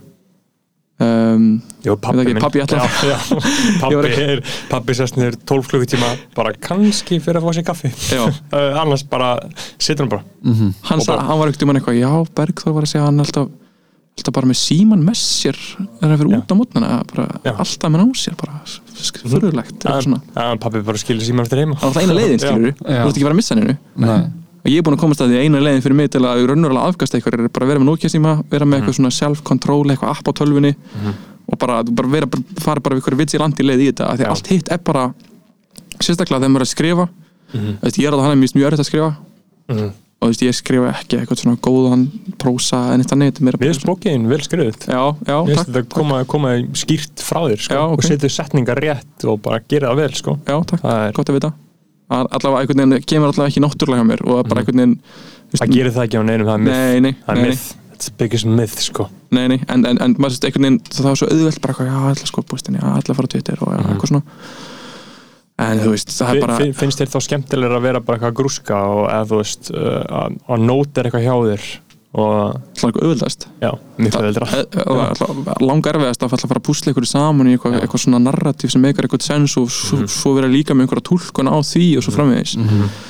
Og, og hérna en það er, veist, það er bara þessi símar það, það er bara, þú, verður bara einhvern veginn að reyna að kasta þessu bara út af hafsögu bara að Mm. gleyma þessu sko. Veist, ég byrja aftur núna á Instagram að því að útgefandi minn sagði eitthvað svona, já, var eitthvað svona eitthvað að kynna bókina og eitthvað. Og þú veist, ég er kannski búin að 1% af tímanum minn Instagram er kannski farið að kynna bókina. Já, já, síðan er hitt, allt hitt bara einhver, einhver flotti og bara já bull, þetta deyfa þig.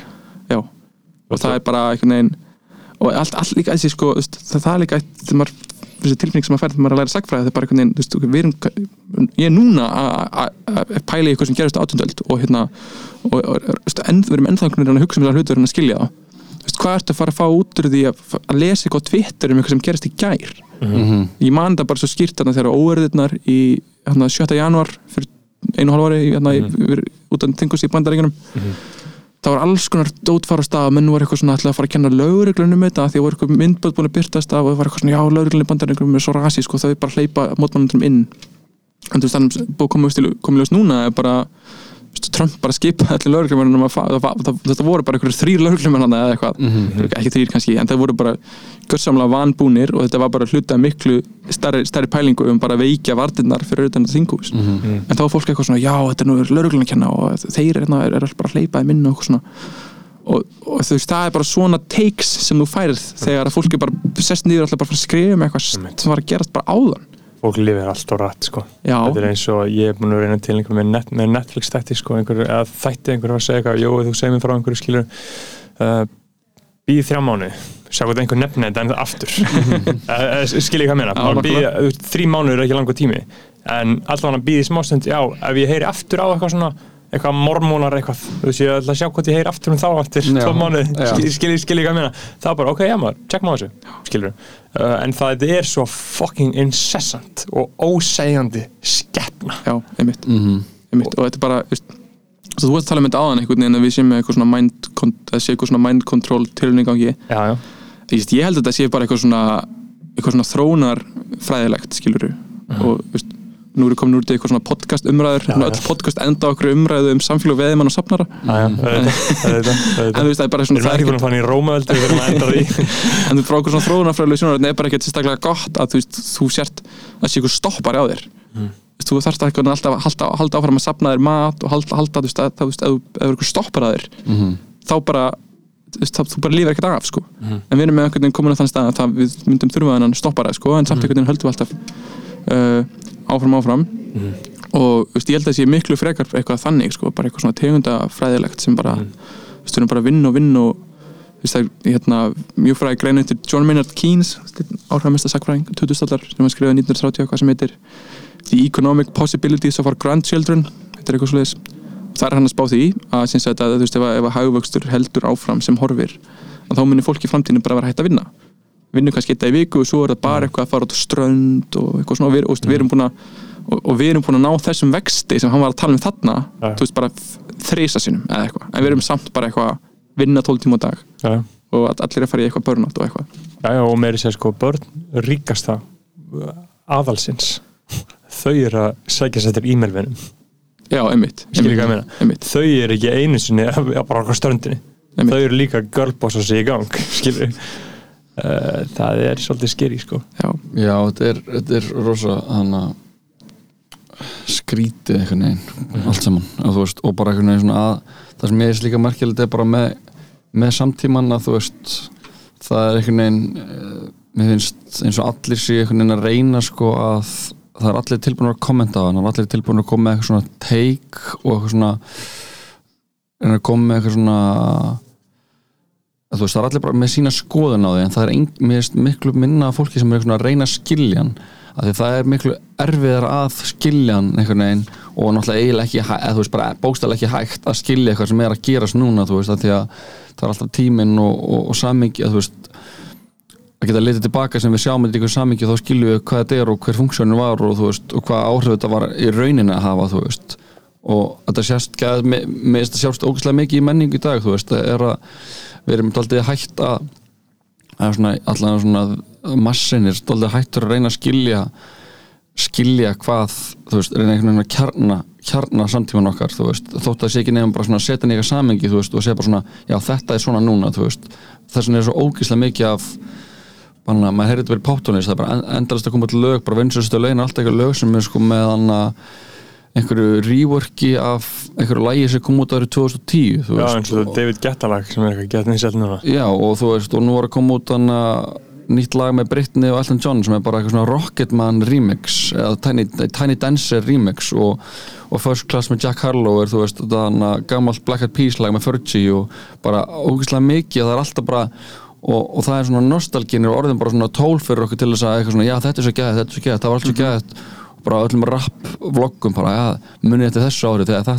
bara fyrir fjórum árum kom, komu alla þessa plötur út bara eitthvað, eitthvað þessi plata, þessi plata, þessi plata. Og það munið eftir því, þú veist, það var svo gæðið það er að, erum alltaf einhvern svona, já, þannig var allt svo gæðið, þannig var allt svo gæðið og það, við erum alltaf að komast bara svona, bara stitt og stittra bara, þú veist, að það áttur að vera bara bara með eitthvað, vá, gær, í gær var svo gæðið það var gæðið flúið að hvernig það er núna ja. það er svo fokkin flóki og er ekki hægt að þú veist, það er svo krefjandi að að reyna að skilja það þú vantar einhverja rætur já, þannig að það er bara eitthvað svona hey, þessi mynd hana, þessi mynd hana og bara eitthvað eins og var um daginn bara eitthvað þannig að þú varst í, í útlundum og tala um að eins og var í bíó var Top Gun og Elvis og, Thor. og Thor þú veist. Bara Thor að koma út bara Marvel að út söm myndina aftur og aftur. Top Gun gerum hana aftur. Elvis, jú, hún er alveg er með svona alveg svona þú veist, hún er ekki dæmigerð mynd sem einhvern veginn er bara svona verið að segja frá eitthvað, eitthvað var, þetta er svona eitthvað svona túlkun sem kemur inn af því að Bas Lurman er þannig listamæður en þú veist, samt, þú veist, samt bara að tala um Elvis þú veist, það einhvern veginn er svo flókið að vera til í dag að við erum einhvern veginn tilbúin að gera flest til þess að þurfa ekki að horfast eða sko. Já, einmitt, einmitt En ég held að þetta sé líka bara sko Þú veist, við erum alltaf að, við erum alltaf að horfa til um, 20. aldarinnar eða svona sérstaklega tí, tí, kannski sérstaklega tímabilsins 19 eftir, eftir stríð og fyrir kannski 90 Mhm. sem eitthvað svona, svona um, eðlilegs ástands sem eitthvað svona veist, bara þetta Make America Great Again það er bara, þú veist, Mhm. bara 50s eitthvað svo Já. bara eftir stríðsára það sem hefur rosalegur vöxtur í bandaríkunum og það voru þú veist, átti þessi stað breytingar á hérna, menningarlífi og hugsanargangi fólks Mhm. sem voru þú veist, bara gerðust stjartfræðlega hratt með að við bara alla mannkynsöguna og þetta er, er bara algjörlega abnormal tímabil. Já, við erum alltaf einhvern veginn að fara tilbaka og segja eitthvað svona, já þetta er svona átt að vera. Þetta var einhvern veginn eitthvað svona einhver, þú veist, þetta er eitthvað svona, eitthvað svona normalsí sem við erum að falla aftur á. Mm. um, þegar þú veist langumestan tíma mannkjæsinu er fólk bara verið bara bændur og hérna bara búið við hérna statískan efnaðarslegan vöxt og bara, veist, bara slakað á og hérna, þú En- en- ekki slakað á en svona bara búið í samfélagi sem að var bara mjög svona uh, bundið í einhverjar viðjar sko. Einmitt eins og þessi tala um einogurna verslununa og bara svona svo, það konsept og það mindset að þau voru ekkert að reyna neitt meira. Nei, nei, nei, einmitt, fólk var ekki að reyna að vaksa einmitt. Þannig að að- það, það, er líka það sem eitt, eitt sem að ég hef svona mjög svo gaman við að, að fara þarna aðeins samt heldur nálat okkur í tíma veist, það er líka eitt sem ég hef einhvern veginn alltaf upplegað núna þú veist, upplegað við að vera að skoða þetta er að þetta er ekkit langt frá okkur sko. Það er hérna uh, kona, allums íslensk kona sem að uh, bara dó núna eitthvað tíma 2000 og eitthvað sem átti pappa sem var fættur skilji 1850 eða eitthvað og þá, þá ertu bara, bara afi hennar er bara uppi átjöndöld Já, skilji já. og, og það er að því að við hérna, að því að myndavælin kemur til sögunar með 19. öld uh, þá finnst okkur svona einhvern veginn huglagt vera, það vera til dæla að láta okkur tíma sko, það sem við myndir að en, en það sem að síðan sagt, fyrir það er einhvern veginn svona veist, fólk einhvern veginn skinjar það ekki sko. mm. en ég meni við hefum myndir af fólki sem er fætt elsta, elsti maðurinn sem myndi mynda er fættu 1749 og hann upplifið frönsku byltinguna. Upplifið bandarísku byltinguna á bandarískur.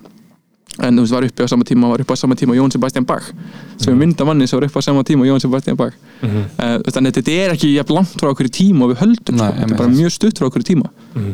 bara nokkri, þetta er bara nokkri mannsaldrar sko. og þannig að við getum ekki alltaf verið að horfa bara á þú veist, 20-öldina sem eitthvað skonar um, sko, svona eðlilegt viðmið um veist, hvernig fasta- samfélag eru eitthvað fasti, eitthvað, eitthvað, eitthvað, haldreipi sko. þetta er bara, bara tímabilið sem að þetta er ótrúlega hraðar breytingar sko. Já, Já, maður. Hefur lesið Dawn of Everything? Nei, það er einhver bók sem að ég að menn er að tala um sko. Ok, sem er svona ansvar við þarna Sapiens Harari sko. Hann skrifaði þetta David Graeber sem er svona anarkisti sko. Þetta er skrifað út frá svona allir svona, Chomsky uh, hugmyndafræði sko í staðin fyrir Harari sem er bara svona svolítið uh, liberal Ísraeli sko um, þú hefur ekki gaman að ég hef, ég hef ekki búin að lesa hana sko en Gunnar Smári gera hérna þáttum hana sko ok fyrir orðan og fekk, fekk svona pallborð í rauðaborðinu um þessa bók sko. Já, ok. uh, Dóri Armand verið eitthvað að tala um hana það er alveg bara örgulega vistla ég er bara Já. alltaf búin að vera á leiðinni sko, mhm. áhugavert, að, að, að checka á því sko. einmitt. En já maður, sakfræðin við, uh, við respektum fræðin í Eilstofu við gerum það sko við gerum það, Jón, hvað hva er framöndan? Þú ert að klára meistaranám. Já, ég er að hérna, klára núna meistari reitgerð sem ég fjallar um uh, hérna, sérst, afnám þrælega veslunar í dansku nýldurum við talum á uh, og svo verði ég eitthvað að vinna í vetur ykkur svona kikkum og eitthvað mm Mhm. -hmm. komið ljós svo langar mig að í dóttusnámi í sagfræði það er svona næsta verkefni.